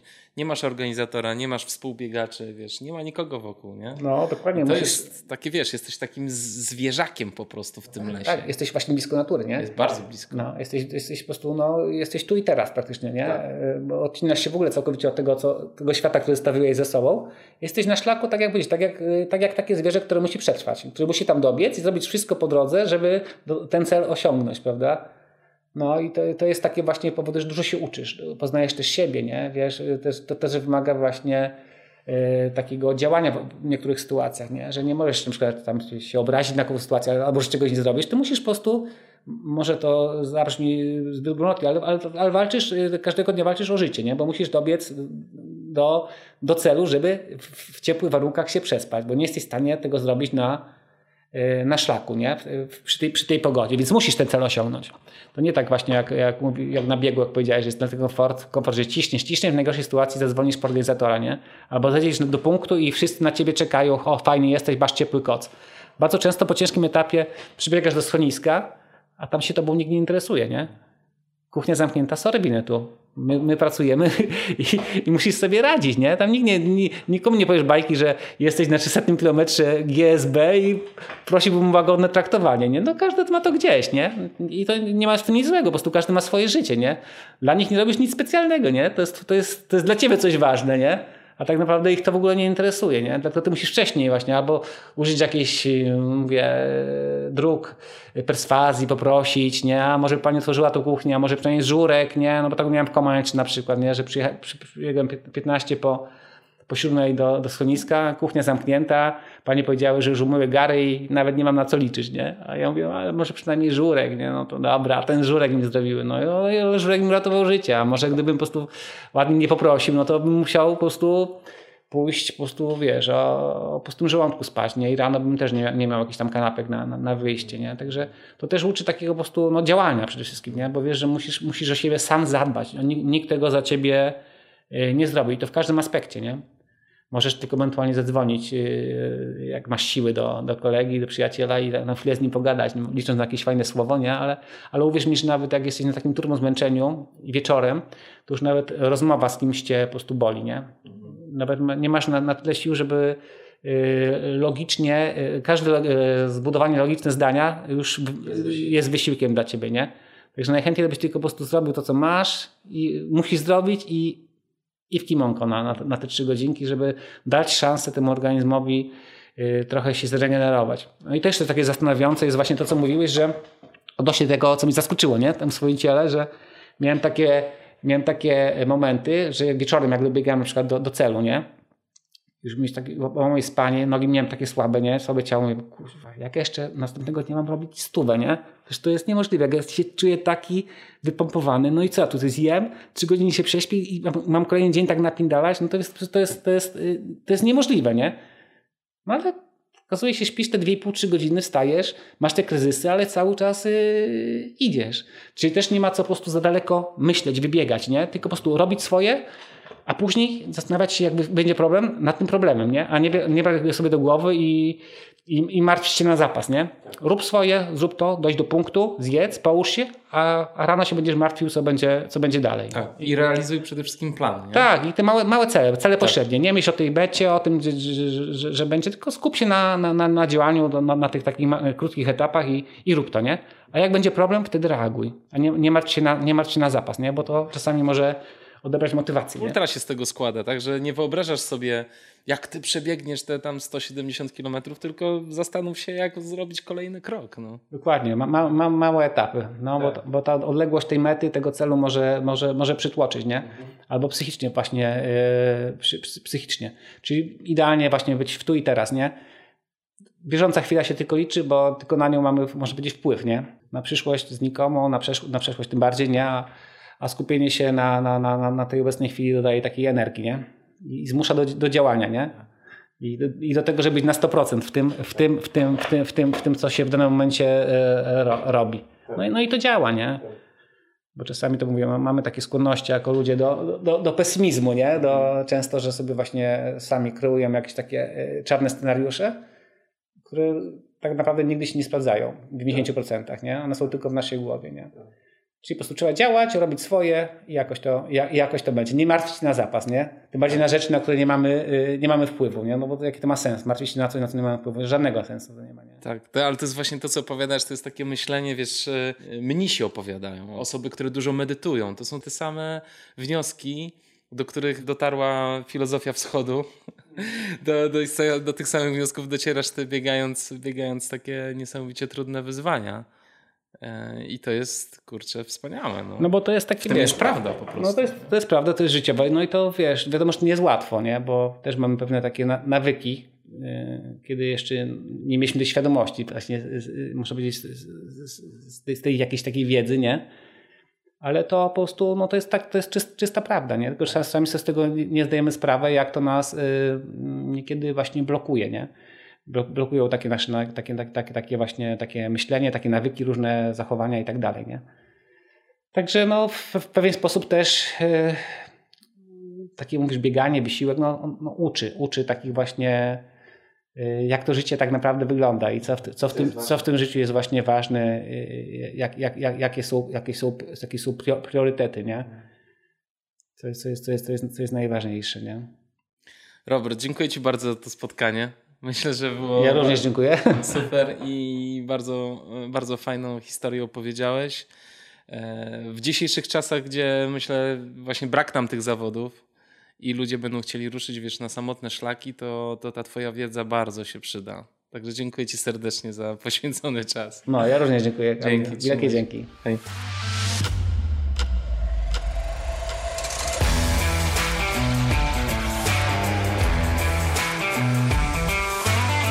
Dziękuję Wam serdecznie za wysłuchanie tego podcastu. Na koniec obiecany konkurs. Odpowiedzcie na pytanie: ile razy Robert przebył trasę GSB od początku do końca? Wśród poprawnych odpowiedzi wylosuję nagrodę, którą będzie kupon na 100 zł w sklepie marki Lurbel. Odpowiedzi wysyłajcie na maila ultra małpa blackhatultra.pl lub zostawcie je gdzieś w mediach społecznościowych na Facebooku lub Instagramie bądź YouTubie. Jeszcze raz dziękuję Wam serdecznie za wysłuchanie tego podcastu. Zapraszam do wysłuchania innych odcinków podcastów Black Hat Ultra i Black Hat Team. A jeśli podoba Wam się to, co robię, serdecznie namawiam do wsparcia podcastu finansowo na patronite.pl ukośnik Black Hat Ultra. Jedynym finansowym źródłem wsparcia tego podcastu jesteście Wy, słuchacze. Dlatego bardzo doceniam każdy wkład, a najniższy próg wsparcia to tylko 5 zł, więc nie ma na co czekać. Dokładny link znajdziecie w opisie odcinka. W tej chwili podcast na Patronite wspiera już 67 osób, ale chciałbym wymienić tutaj nazwiska tych, których wkład jest największy. Są to Przemysław Barnowski, Krzysztof Bednarz, Agnieszka Dudek, Michał Janiak, Marcin Jaźwiecki, Andrzej Gąsiorowski, Bieta Hryń-Morawska, Jakub Korczyk, Paweł Kaczmarek, Łukasz Kluba, Przemysław Kozłowski, Marek Maj, Wojciech Pietrzok, Mariusz Podgórny, Łukasz Różanowski, Kamil Sowiński, Marcin Stefaniak, Edyta Winnicka, Hubert Wierzbicki i Michał Wójcik. Ponadto możecie wspierać podcast w mediach społecznościowych i umieszczać informacje o nim w relacjach, postach i na tablicach. Odwiedzajcie również stronę www.blackhatultra.pl, gdzie możecie słuchać podcastów, oglądać zdjęcia i być może skorzystać z wegańskich przepisów, które tam umieszczam. Niezmiennie zapraszam również wszystkich do wystąpienia w moim drugim podcaście o nazwie Black Hat Team. Jego formuła wygląda w ten sposób, że sami nagrywacie swoje historie, a nagrany materiał wysyłacie do mnie. Ja go publikuję w formie podcastu. Zapraszam do kontaktu mailowego na adres ultra małpa blackhatultra.pl. Ten odcinek podcastu Black Hat Ultra przygotował Kamil Dąbkowski, a autorem muzyki jest Audio Dealer. A jeżeli jeszcze ktoś tu jest, jeśli jeszcze ktoś mnie słucha, jesteś tu? Tak, ty. Zatrzymaj się na minutę, a może dłużej. Zostawiam ci 5 minut spokoju. Wyobraź sobie, że jesteś dronem i lecisz nad górami. Zamknij oczy i poczuj swój oddech. Tak po prostu. Buźka.